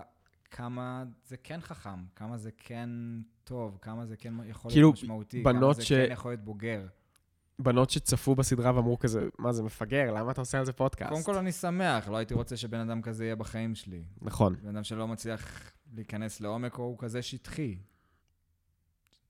כן, פשוט ככה, straight on. אוקיי. מי את? לכי. אבל- אתה בעצם אומר שאם לא ראיתם. אבטאר ואתם לא מתחברים לזה, אתם שטחיים. כן, כן, חברים, שמעתם את זה פה פעם ראשונה, פודקאסט מצב אבטאר. זה נמצא ממש לידך, גיל? בסדר גמור. אה, כן, נפלו לגיל האוזניות על הרצפה. אה, קיצור, כן. אז אבל- כן, אז מה עוד אני עושה בחיים שלי? או שיש לך עוד משהו להגיד. לא, בוא, בוא, בוא נדבר עוד קצת עליך. תשמע, אתה... כרגע אתה עמוס. אני עמוס, בקטע פסיכי. אני עמוס בקטע פסיכי, כן. אתה עמוס בקטע פסיכי, והרבה אנשים, אתה יודע, שכותבים לנו ב, באינסטגרם, אלה שהם אה, עוקבים, אה, מה שנקרא, כבר אדוקים וכותבים הרבה, הם יודעים שהם כותבים ואני עונה להם. כן, לרוב אתה עונה להם. כן. לפעמים גם אני עונה. אבל לא תמיד הם יודעים למה. למה כאילו... למה רק אתה עונה או למה אני לא עונה? כן, לא, למה, למה, כן, למה רק אני כאילו, מה זה רק? לפעמים גם אתה עונה. קודם כל הם מוזמנים בוא לך... נגיד זה מעניין, אתם, זה יש פה עניין, אתם לא לא. יודעים מי יענה לכם. קודם כל, העוקבים הרציניים הם אה, עוקבים אחריי, אה, אחרי העמוד הפרטי שלי ושולחים לי שם הודעות ואני מדבר איתם. כאילו, זה חד משמעית. אז אם אתם באמת רוצים לדבר איתי, אז אני שם. כן. אמ, וגם, אגב, אני נכנסתי לצריכה היומית שלי, של אה, הממוצעת של אינסטגרם, ומסתבר שאני מבלה בממוצע ביום 14 דקות באינסטגרם, אז זה לא הרבה בכלל. אז אה, כן, כן. אני מורגש. תנסו, מורגש. תנסו לתפוס אותי ב-14 דקות האלה, כן, זה כאילו כזה, אתה יודע, רגעי חסד כזה שאני יושב על האסלה. אה, אמ, קיצור, אז מה עוד אני עושה בחיים שלי? מה אתה לומד? אז לפני הלימודים, אני עושה... אגב, בלימודים אנשים כאילו עפים על זה שאני עושה פודקאסטים, כי הם רק אומרים לי, איך יש לך זמן לעשות גם פודקאסט? יא מטורף. אז uh, כן, סתם, לא ככה הם מדברים, אבל, אבל כן, זה, זה משהו שאנשים לא מבינים גם את הלוגיסטיקה מאחוריו, שזה לעשות את המחקרים, וזה, וזה להיפגש פעם בשבוע, וזה כאילו בכל מחיר... זה, זה, זה, זה גוזל זמן. לא כמו שזה גוזל לך, אבל, זה, אבל, אבל לי זה גוזל גם uh, די, אה, אני מתחשב בך. תחשב בי. אז מה עוד אני עושה? אני משחק טניס. אמ, ב... כאילו, אני משחק טניס פה בירושלים. אה, אני מנהל זוגיות, שזה דבר בפני עצמו, שדורש זמן ואנרגיה ועבודה, אתה גם גר עם הבת זוג שלך. ואני גם גר עם הבת זוג שלי. כן, אחי, אני גר עם בת. כן. אי פעם גרתם עם בת? זה דבר נורא מוזר. הייתה לי שותפה. כן, אז רק אתה והיא?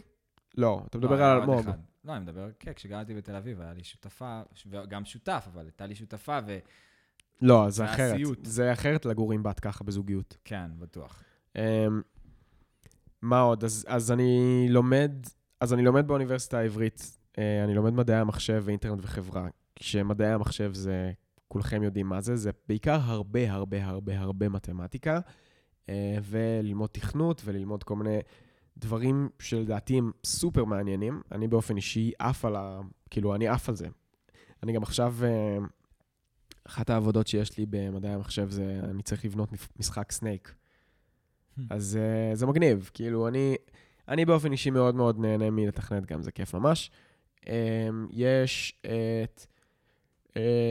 יש את אינטרנט וחברה, כמו שאמרתי קודם, זה חקר, ה, חקר האינטרנט, זה רשתות חברתיות, בתוך זה יש גם uh, עיצוב, עיצוב ממשק משתמש, uh, יש שם קורס של שנה של יזמות, יש שם כלכלה ופסיכולוגיה ומלא מלא דברים שבסופו של דבר אמורים להתכנס לכדי זה שאני אה, אהיה מנהל מוצר.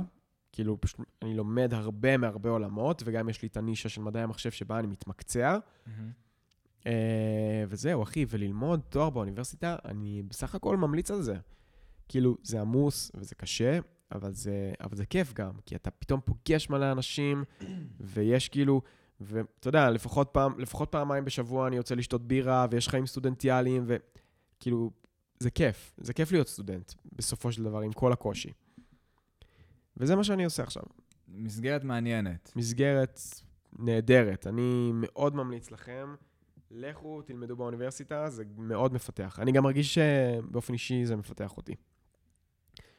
אמ, כן, מה עוד? מה עוד? אתה רוצה לדבר קצת על העתיד? בוא נדבר על העתיד. איפה אתה רואה את עצמך בעוד חמש שנים? וואו. עם חברה. ולזכור שזה מוקלט. כן. סתם. כן. אני רוצה לראות את עצמי עם חברה. אוקיי. אמ, ב... חברה או חברה? גם לא, וגם. הי- הייתי שמח להיות בזוגיות, כן. זה קשה, וואי, זו שאלה, מה זה קשה העתיד? אבל אמ, בוא... טוב, אנחנו באמת מדברים על עצמנו, בואו בוא נגיד קצת העתיד שלנו, ואז ננסה אולי לגעת קצת בעתיד אולי של הפודקאסט. אוקיי. אז אני עוד חמש שנים רואה את עצמי, אה, באמת, אני עדיין בתוכן, אני לא יודע באיזה צורה, יכול להיות שעוד חמש שנים אני בכלל אלך למקום יותר של בימוי, וכאילו, כי בסופו של דבר יש המון צורות של תוכן שאתה יכול לעשות. אבל הייתי רוצה לראות את עצמי עוד חמש שנים, אה, מנהל ממש כאילו חברה וצוות שמתעסק בתוכן, אם זה כל מיני צורות שונות של תוכן, אם זה הקול שלי, של המותג האישי שלי, כאילו, כיוצר תוכן, או אם זה כי אני יוצר איזה ערוץ שיש בו כל מיני פלאגים של תוכן. ומנהל פגישות, מוצרים, מייצר... פגישות, מזוודות, כן, חליפות, לוחץ לוז. ידיים לאנשים. כן. "מ, עסקה טובה, אדוני, לוז, עסקה טובה." מסודר, מפוקס, אני יותר בפוקוס על מה אני רוצה לעשות, אני יותר מכיר אנשים, אני יודע יותר להניע מהלכים ו... ולעשות דברים, ולעשות פרויקטים ענקיים. בא לי, עוד חמש שנים היום בא לי להיות מיסטר ביסט ישראל, כאילו. לעשות פרויקטים ענקיים ותוכן מטורף. מטורף. זה בא לי לעשות... ה- ד- כן, בא לי לעשות דברים ענקיים ופרויקטים ענקיים עם המון אנשים, ופשוט לעשות הכי כאילו קיצוני שאפשר. מאחל לך את זה, אחי. כן. דמיינו את זה. תל אביב, קיץ, מגדל בקומה 64. אני לובש חליפה ופותח לי בקבוק שמפניה. כן. אני מוזג אותו לי ולשותף העסקי שלי. גלינג. כן, עוד עסקה נסגרה בהצלחה במשרדים של גיל שורש בעם. לא, פחות. פחות, פחות, פחות. ממש פחות, כאילו, ממש לא. ממש כאילו יותר בשטח, פחות החליפה, פחות הפורמליות, יותר האותנטי. מה היית מעדיף. לקדם? קרמבואים או מברגות? מברגות. משתלה או בית קפה? משתלה. ש... זה עניין, זה, זה נושא מעניין, אתה... זה, חצוצרות או גיטרות? או, וואו, חצוצרות, די, אוקיי, נמאס. חלאס, נישה מעצבן, די, כן. כולם מגנגנים על גיטרה, די. מה עם קצת חצוצרנים? זה אתה גם צודק, יפה. אתה צודק. כן. אמ, איפה אתה רואה את עצמך עוד חמש שנים? אמ, מקווה שאני אקבל... אה, מקווה שיהיה לי ביצים, כאילו... להקים, להקים אולי משפחה קטנה עד אז. כאילו, וואלה, לא, לא מנותק. לא מנותק מבחינתי שעוד חמש שנים יהיה לי, יהיה לי ילד ראשון. אה, ותכלס, אני רוצה להיות, אה, אני רוצה להיות בדרך לעצמאות כלכלית, כי המאסטר פלן שלי, כרגע לפחות, אה, זה להיכנס, להיכנס ל, לשוק העבודה, אתה יודע, כי בסוף מה שאני לומד עכשיו הוא, הוא, הוא די נישתי. כאילו, התואר הזה קיים רק באוניברסיטה העברית, ו, ויש, והביקוש הולך וגדל לאנשים שלומדים את מה שאני לומד עכשיו. Uh, ואני רוצה לעבוד בתור, uh, אולי, אני לא יודע אם בתור התחלה אני אעבוד בתור מתכנת או בתור מנהל מוצר, אבל אני בוודאות רוצה לעשות מספיק כסף כדי לעשות כאילו הרבה כסף ולהשקיע אותו ולעשות ולהשקיע ולעשות ולהשקיע, כדי להגיע למצב שנגיד חמש עד שבע שנים מהרגע שבו אני מתחיל לעבוד, אני רוצה להגיע לעצמאות כלכלית, שזה כאילו אומר שעכשיו אני לא חייב לעבוד. אני, אם אני עובד, אני רוצה לעבוד, אה, ובעיקר יהיה לי הרבה זמן לעשות, אה, לעשות דברים שאני, שאני רוצה לעשות. אה, וזהו, ועל הדרך גם, ו- ו- וגם לא לסבול בדרך, זה הקטע, זה הקטע העיקרי גם. אני מקווה שאני ארצה להמשיך לעבוד. כאילו שאני לא כזה יגיע למצב שאני כזה עם הלשון בחוץ, וכאילו אני רוצה, אני רוצה באמת ליהנות, אני רוצה ליהנות מה, מהעבודה שלי כמו שאני נהנה עכשיו מה, מהלימודים שלי. כאילו, מהצד של מדעי המחשב לפחות, אני, אני נהנה, הצד של אינטרנט וחברה כרגע קודח לי במוח, צריך להגיש עבודות טרחניות ומעצבנות, וואי, וואי, וואי. כן. בואו תכתבו 700 מילים על משהו שהוא מובן מאליו, והוא חרטה בונה אחת גדולה, חרטטו לי, ותשתמשו במילה סבורני כמה שאפשר, כי זה יעלה לכם נקודות. שונא את- שונא את הקטע הזה, אתה יודע? כן. לא סובל את זה שאנחנו מתעסקים בנושאים כאילו שהם מובנים מאליהם, צריכים לכתוב עבודה של, נוס, של דבר שהוא מובן מאליו, ו, וכאילו אף אחד לא משתמש במילים שהוא, שהוא מדבר בהם, זה כאילו הכל, זה סוג של הצגה. Mm. זה כמו כשפעם היו כותבים מכתבים, ואז פתאום שאתה, נכון שאתה כותב אימייל, אתה פתאום מתנסח אחרת מאשר אם אתה כותב בוואטסאפ? כן. מכיר את זה? יוצא לך לכתוב אימיילים? מתישהו? כשאני מנסה להשיג אנשים כמו תובל שפיר התוכנית, או זה. אז כן, אז אתה, אתה מתנהל אחרת באימייל ממה שאתה מתנהל בוואטסאפ או בשיחת פנים אל פנים. זה יותר רשמי פתאום. כן, והרשמיות הזאת מעייפת אותי, זה מעייף אותי שאני צריך לכתוב אה, כמו, אה, כמו, כאילו לכתוב עבודה אקדמית זה באמת כמו, כמו לכתוב מכתב לפני 50 שנה, להשתמש במלא מילים גבוהות, וכאילו, די, אין לי כוח לזה. כן. רק אה, חסר לך מכונת כתיבה של כזה... הלוואי, זה לפחות היה יותר מעניין ככה. כן, היה לי משהו אשכרה להתעסק איתו, אני כן. כן, נחמד. טוב, העתיד של התוכנית. העתיד של התוכנית. אנחנו לא ממשיכים אותה, היא נגמרת, אה, זה בעצם הפרק האחרון. סתם. אה, לפעמים המחשבות האלה עולות בי. שזה כן, לפעמים המחשבה, לפעמים המחשבה הזאת עולה בי. שכאילו... כי ה- ל- לפרויקט הזה שלקחנו על עצמנו, של לעשות uh, פודקאסט על האבטאר, כאילו מתחלק לשתיים. מצד אחד, אתה כן uh, נהנה לבוא, ונראה לי מהמקום של המאזין, אתה כן נהנה לבוא ולהאזין לפרק, ומצד שני, כשיש לך את כל הפרקים, שכבר עשית את כל, את כל הסדרה, יש לזה, לדעתי, יותר משמעות מזה שבזמן, כאילו שאתה, בזמן שאתה מאזין. שכאילו שזה יש מושלם, ואנחנו כבר נעשה הכל, לדעתי יהיה לזה יותר משמעות מאשר עכשיו תוך כדי כשאנחנו עדיין עושים את זה. אמ, וכאילו הבנתי. שיכול להיות שדווקא העתיד הגדול של התוכנית הזאת יקרה אחרי שנסיים יש מצב. את הכשף האוויר האחרון. יש מצב. אה, כן, אני, עדיין, אני לפעמים אה, כאילו אומר לעצמי, וואו, איזה שבוע מטורף היה לי עכשיו, אני מת להגיע לסופש ולנוח, ואין, וכאילו הרבה פעמים גם אין לי כוח ל, ל, לעשות את הפודקאסט, ו... וגם, אה, וגם אם היית מחזיר אותי אחורה, אני אשאל אותך את זה בעצם בתור שאלה. אם הייתי מחזיר אותך עכשיו אחורה, אה, לשבוע לפני ששחררנו את הפרק הראשון, שזה בעצם הזמן שבו אמרנו, יאללה, בוא נעשה פודקאסט, אה, האם היית משנה נושא של הפודקאסט? היית בוחר לעשות, להתעסק במשהו אחר? יכול להיות, כן. יכול להיות, כי... תשמע, אני, מה זה, אני ממש מבסוט על הרבה אנשים שיצא לנו להכיר דרך ה, הפודקאסט, ואני חושב שאנחנו עוד ברבע, כאילו, ממה שאנחנו מסוגלים, ואנשים שאנחנו מסוגלים לארח, והצורה שבה אנחנו יכולים לעשות את זה. אבל כן, היום אני לא מבסוט, ואני מצטער אם זה לא נעים למישהו לשמוע או פוגע, אבל כן, אני לא מבסוט מהמקום שכאילו הפודקאסט נמצא כרגע. אני לא מרגיש שבע או שלם בזה, כי נגיד, אה, וזה לא נעים מתכוון? כל כך לדבר על זה, אבל נגיד, אה, כשנגיד, אה, ניסינו, הפודקאסט לא רווחי בכלל, אפילו שאנחנו מאוד מנסים, או מנסה, או לא יודע. מנסים כן לעשות אפילו שאנחנו מאוד מנסה. אפילו ש... שאני מאוד מנסה, כי איתי באמת עמוס מאוד ואין לו, לו זמן לזה. חוץ מזה, אני מקבל קצבה מביטוח לאומי. כן. אני לא צריך הכנסה מהפודקאסט. אני מקבל 2,000 שקל מביטוח לאומי. כן. בכל מקרה, אני, אני כן מאוד לא מבסוט על, ה, על המקום שזה נמצא, שכאילו... אני לא רוצה לעשות פודקאסט שהוא רק נחמד להאזנה וזה פוגש מישהו כאילו באיזה שלב ביום שלו וזהו.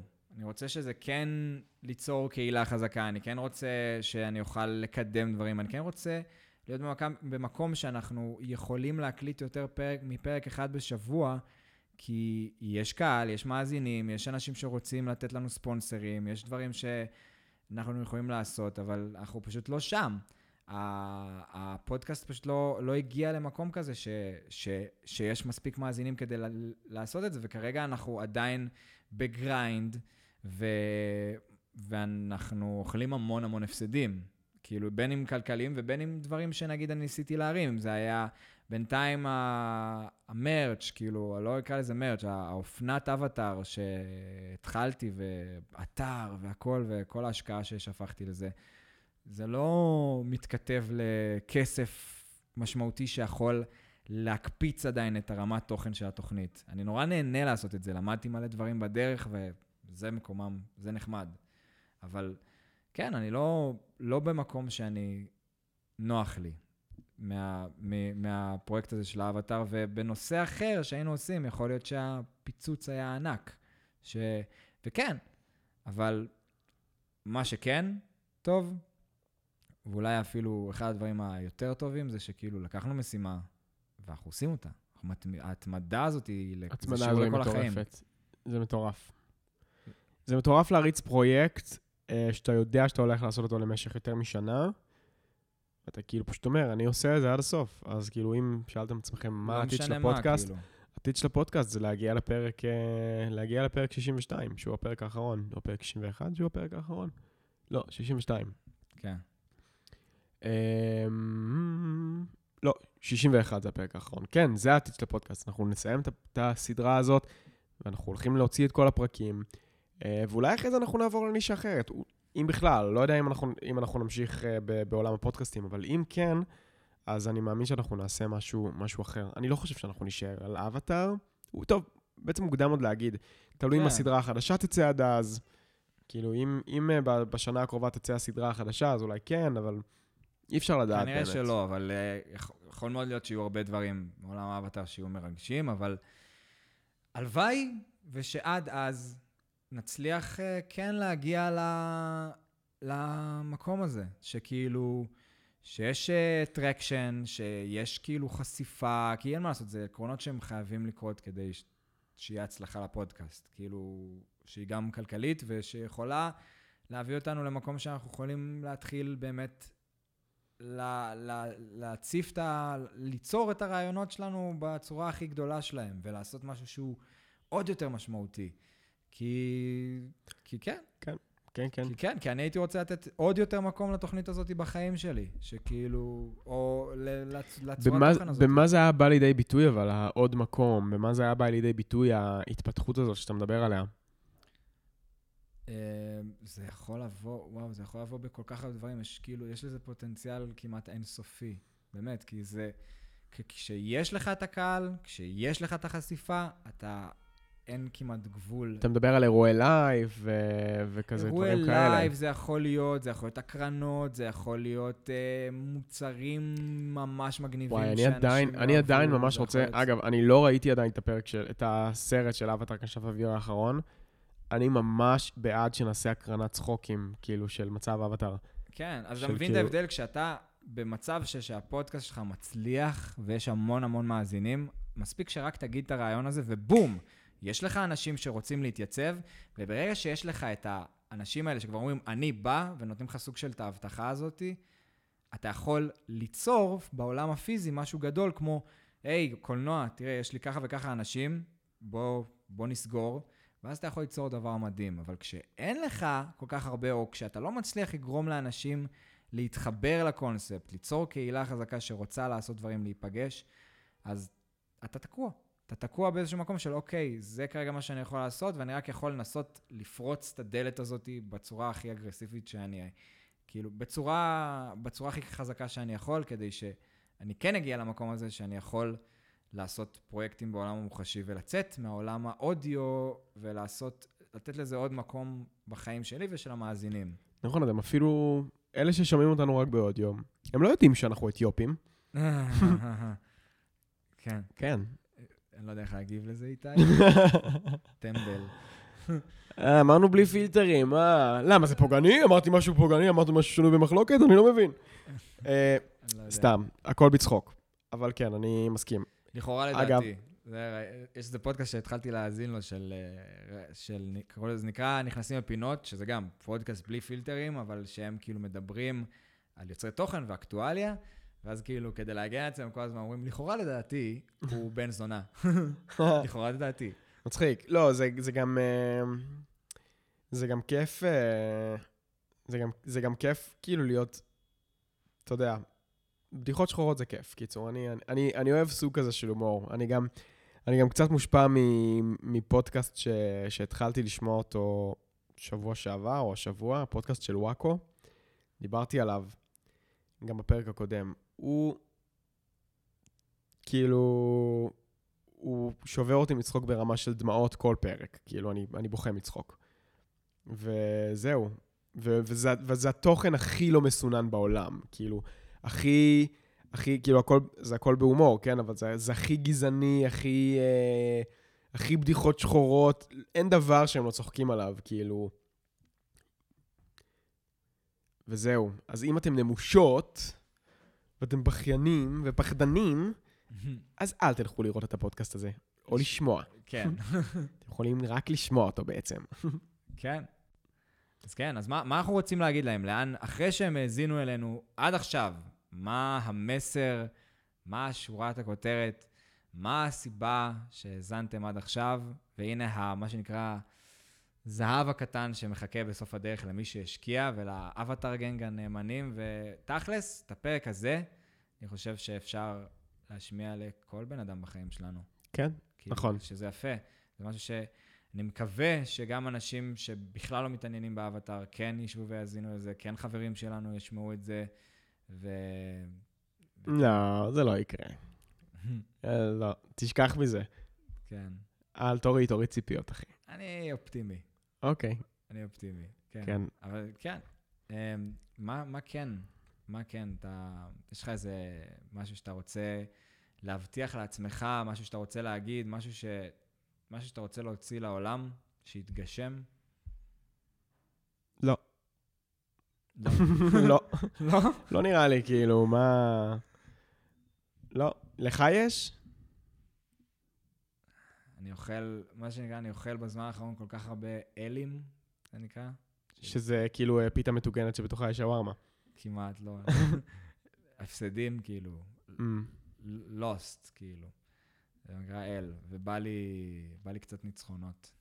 ממש. אני... מאחל לך ניצחונות, אחי. אני נחוש ואני ממשיך, אבל אני מרגיש שאני ממש זקוק לקצת אה, ניצחונות בסאגה הזאת שבחרתי ובחיים, וכן.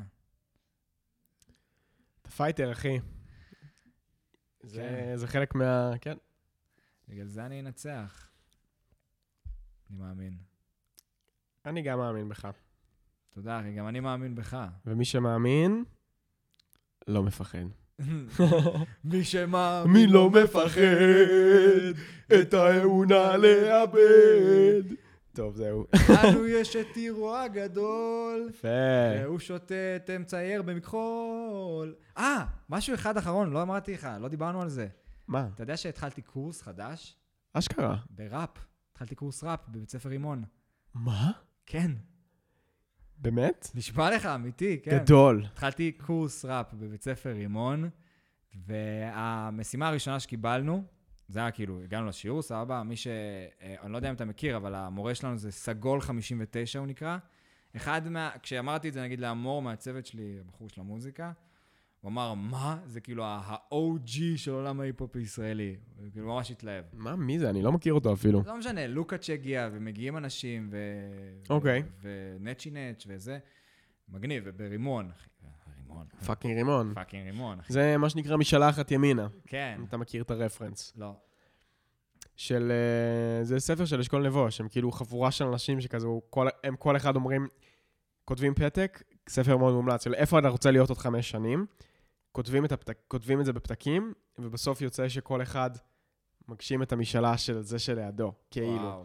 אז הנה, אני אמרתי שאחד החלומות שלי היה להיות מוזיקאי, והנה, משלחת ימינה, אתה לא, לא הולך ללמוד ברימון. כן, אז זה... והמשימה הראשונה שקיבלנו זה לעשות קטע ראפ של כאילו להציג את עצמך. ש... וכן, ז- זהו, אז אני ביום שלישי הקרוב אגיע לכיתה ואעשה איזשהו קטע ראפ שכאילו מציג את עצמי. חזק מאוד. וואי, אני ממש רוצה לראות איך זה איש. כאילו, זה. עשיתי כבר, כתבת את זה כבר? כן. וואי, תשמיע לי. כן? אתה רוצה שאני אשמיע לך? תשמיע לי עכשיו גם, בטח. אוקיי, סבבה. בוא ננסה. אבל זה, אתה מבין, נתנו לנו איזה עשר דקות לכתוב, אז... אה, אז אה, כן. ת, תביא לי את הטלפון שלך, פתח יוטיוב. כן, אני אשים אפילו אוזנייה כדי לוודא שאני שומע את עצמי טוב. Yeah, y'all. קרב למיקרופון. Y'all.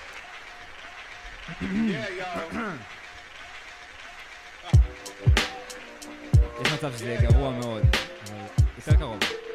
ממש. עוד, עוד. שלום, מי אני? הבחור אשכנזי עם הפרצוף הבנאלי זה נתקע לי, לא בא לי, אבל זה מה שיש. אני לא חושש. אני בא לקרב והכל עולה לאש. עם הרקע הצנוע, בלי דיבור נגוע, בלי אבא, בלי סבא. כולם הלכו מזמן, מן. תורידו את השוק, הכל פה מצוין הכל פה מצוין, הכל פה מצוין. אני לג'יט עם הביט, מרגיש שאני עף. פותח את הפה, ישר הכל נחשף. עכשיו קצת אמונה, דמיון זה כוח. צריך רק התמדה, אני רוצה לברוח. אז עזבתי עבודה עם כסף ודירה. חזרתי למושב, עכשיו הכל מההתחלה. אה, אה. תוכן זה הדרך, ואני הכלי. הדמיון שופע, ואני גיל.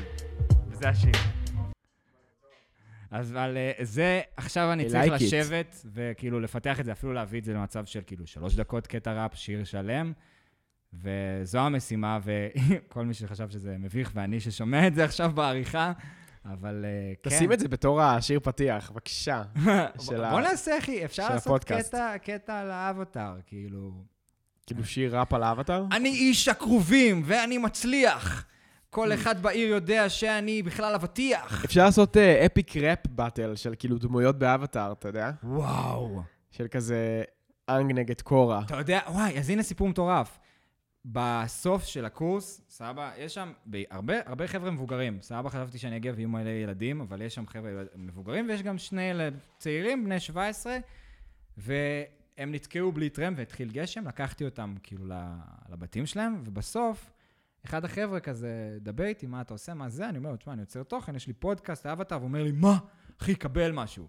ומסתבר שהוא עשה קטע ראפ, אה, מישהו שהוא עבד איתו כאילו כזה, על איזה פרויקט, הם עשו שיר כאילו שכולו, זה שיר ראפ על זוקו. אשכרה? כן. איך קוראים לזה? אה, הנה אני מוצא את זה, הנה אני מוצא את זה, הנה אני מוצא את זה. הנה. הנסיך האבוד, ראפ על צוקו, הופה, מצאתי את זה גם. ו... תשמע, זה לא מטורף, זה לא... זה, אבל איזה מגניב זה שכאילו, חבר'ה ישבו, כאילו ניתחו את הדמות, ואמרו, יאללה, בוא נעשה קטעי ראפ על זה. חזק מאוד. מגניב. מאוד. וגם תראה איזה כאילו עולם קטן, שאני בא ואני אומר למישהו, היי, כן, אני עושה פודקאסט אבטר, והוא אומר, אחי, אני עשיתי ראפ על צוקו. איזה מטורף. נשמע איזה קטע קצר מזה? שים, אחי. איזה אבא מזמין את הבן שלו? לי רק ניקאי, אולי הייתי נחוש מדי לתפוס את אנג מטרת חיי. מחפש משמעות לחיים של עצמי, אבל לא מצאתי יותר מדי. הייתי אבוד בתוך מחשבות לגלות מי הייתי, מי רוצה להיות. כה עסוק בעצמי, אין לי זמן לבנות את האש בתוכי, לא רוצה לכבות הקודמים בסדרה לא שווים כלום לידי. החיים שלהם טרגיים, לא כמו שלי. לא נשארתי לבד כי דודי רואה איתי והשלחו אותו לכלא, לא אסלח לעצמי. היי, יש לי אש וגם ברק, לא צריך לתפוס את האבטר כדי לדעת שאני חזק, היי, יא, קטר הבא וריפאה אותי, הראיתי לה את האני האמיתי שבתוכי. תחילה חיפשתי מלחמות, אבל מאז אני החלפתי צד, עכשיו אני נלחם לצד שאר ההומור. בחדשות עוד תשמעו עליי כצוקו שנקם באבא שלו, ואז החזיר לעצמו את כבודו. כשף אש, לא כשף של מלחמה, החיים שלי הפכו לי את הנפש לחומה עצומה וגדולה, ובקושי חדירה, אבל אנג הגיח פנימה וריפא לי את הנשמה. הנסיך האבוד אתה כן יכול לראות שילדים כתבו את זה. שבפ... כן, רואים מבחינת המשקלים ואיך, ה- איזה מילים הם בחרו להשתמש בהם. כמעט נכון. בלי, בחומה, כמעט לא חדירה, כזה, זה זה מילים של ילד. לא, לא, זה, זה חד משמעית נכתב על ידי ילדים, אבל זה ממש טוב. אפילו שזה נכתב על ידי ילדים, זה ממש ממש טוב. כאילו, ה- הרמה... ולא הגענו לקטע ראפ של הבחור שלומד איתי, שהוא הרבה יותר טוב. וואלה. זה? לא, זה, זה כאילו...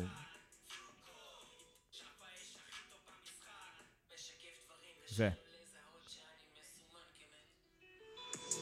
להראות לכם את הטוב שבי, כי כל חיי ניסיתי לחסל אותו. ותמיד זה חישל, תמיד זה בלבל אותי, כלום לא לדעת. רק כבוד עניין אותי וזה בלבל לי את הדעת. לבסוף אני ניסיתי והצלחתי להבין שלחצים ורדיפות רק ירסקו לי את החיים. אני חכם, אני אמיץ, וגם אם הם קשים, המטרה של החיים זה לעשות אותם יפים. מבינים?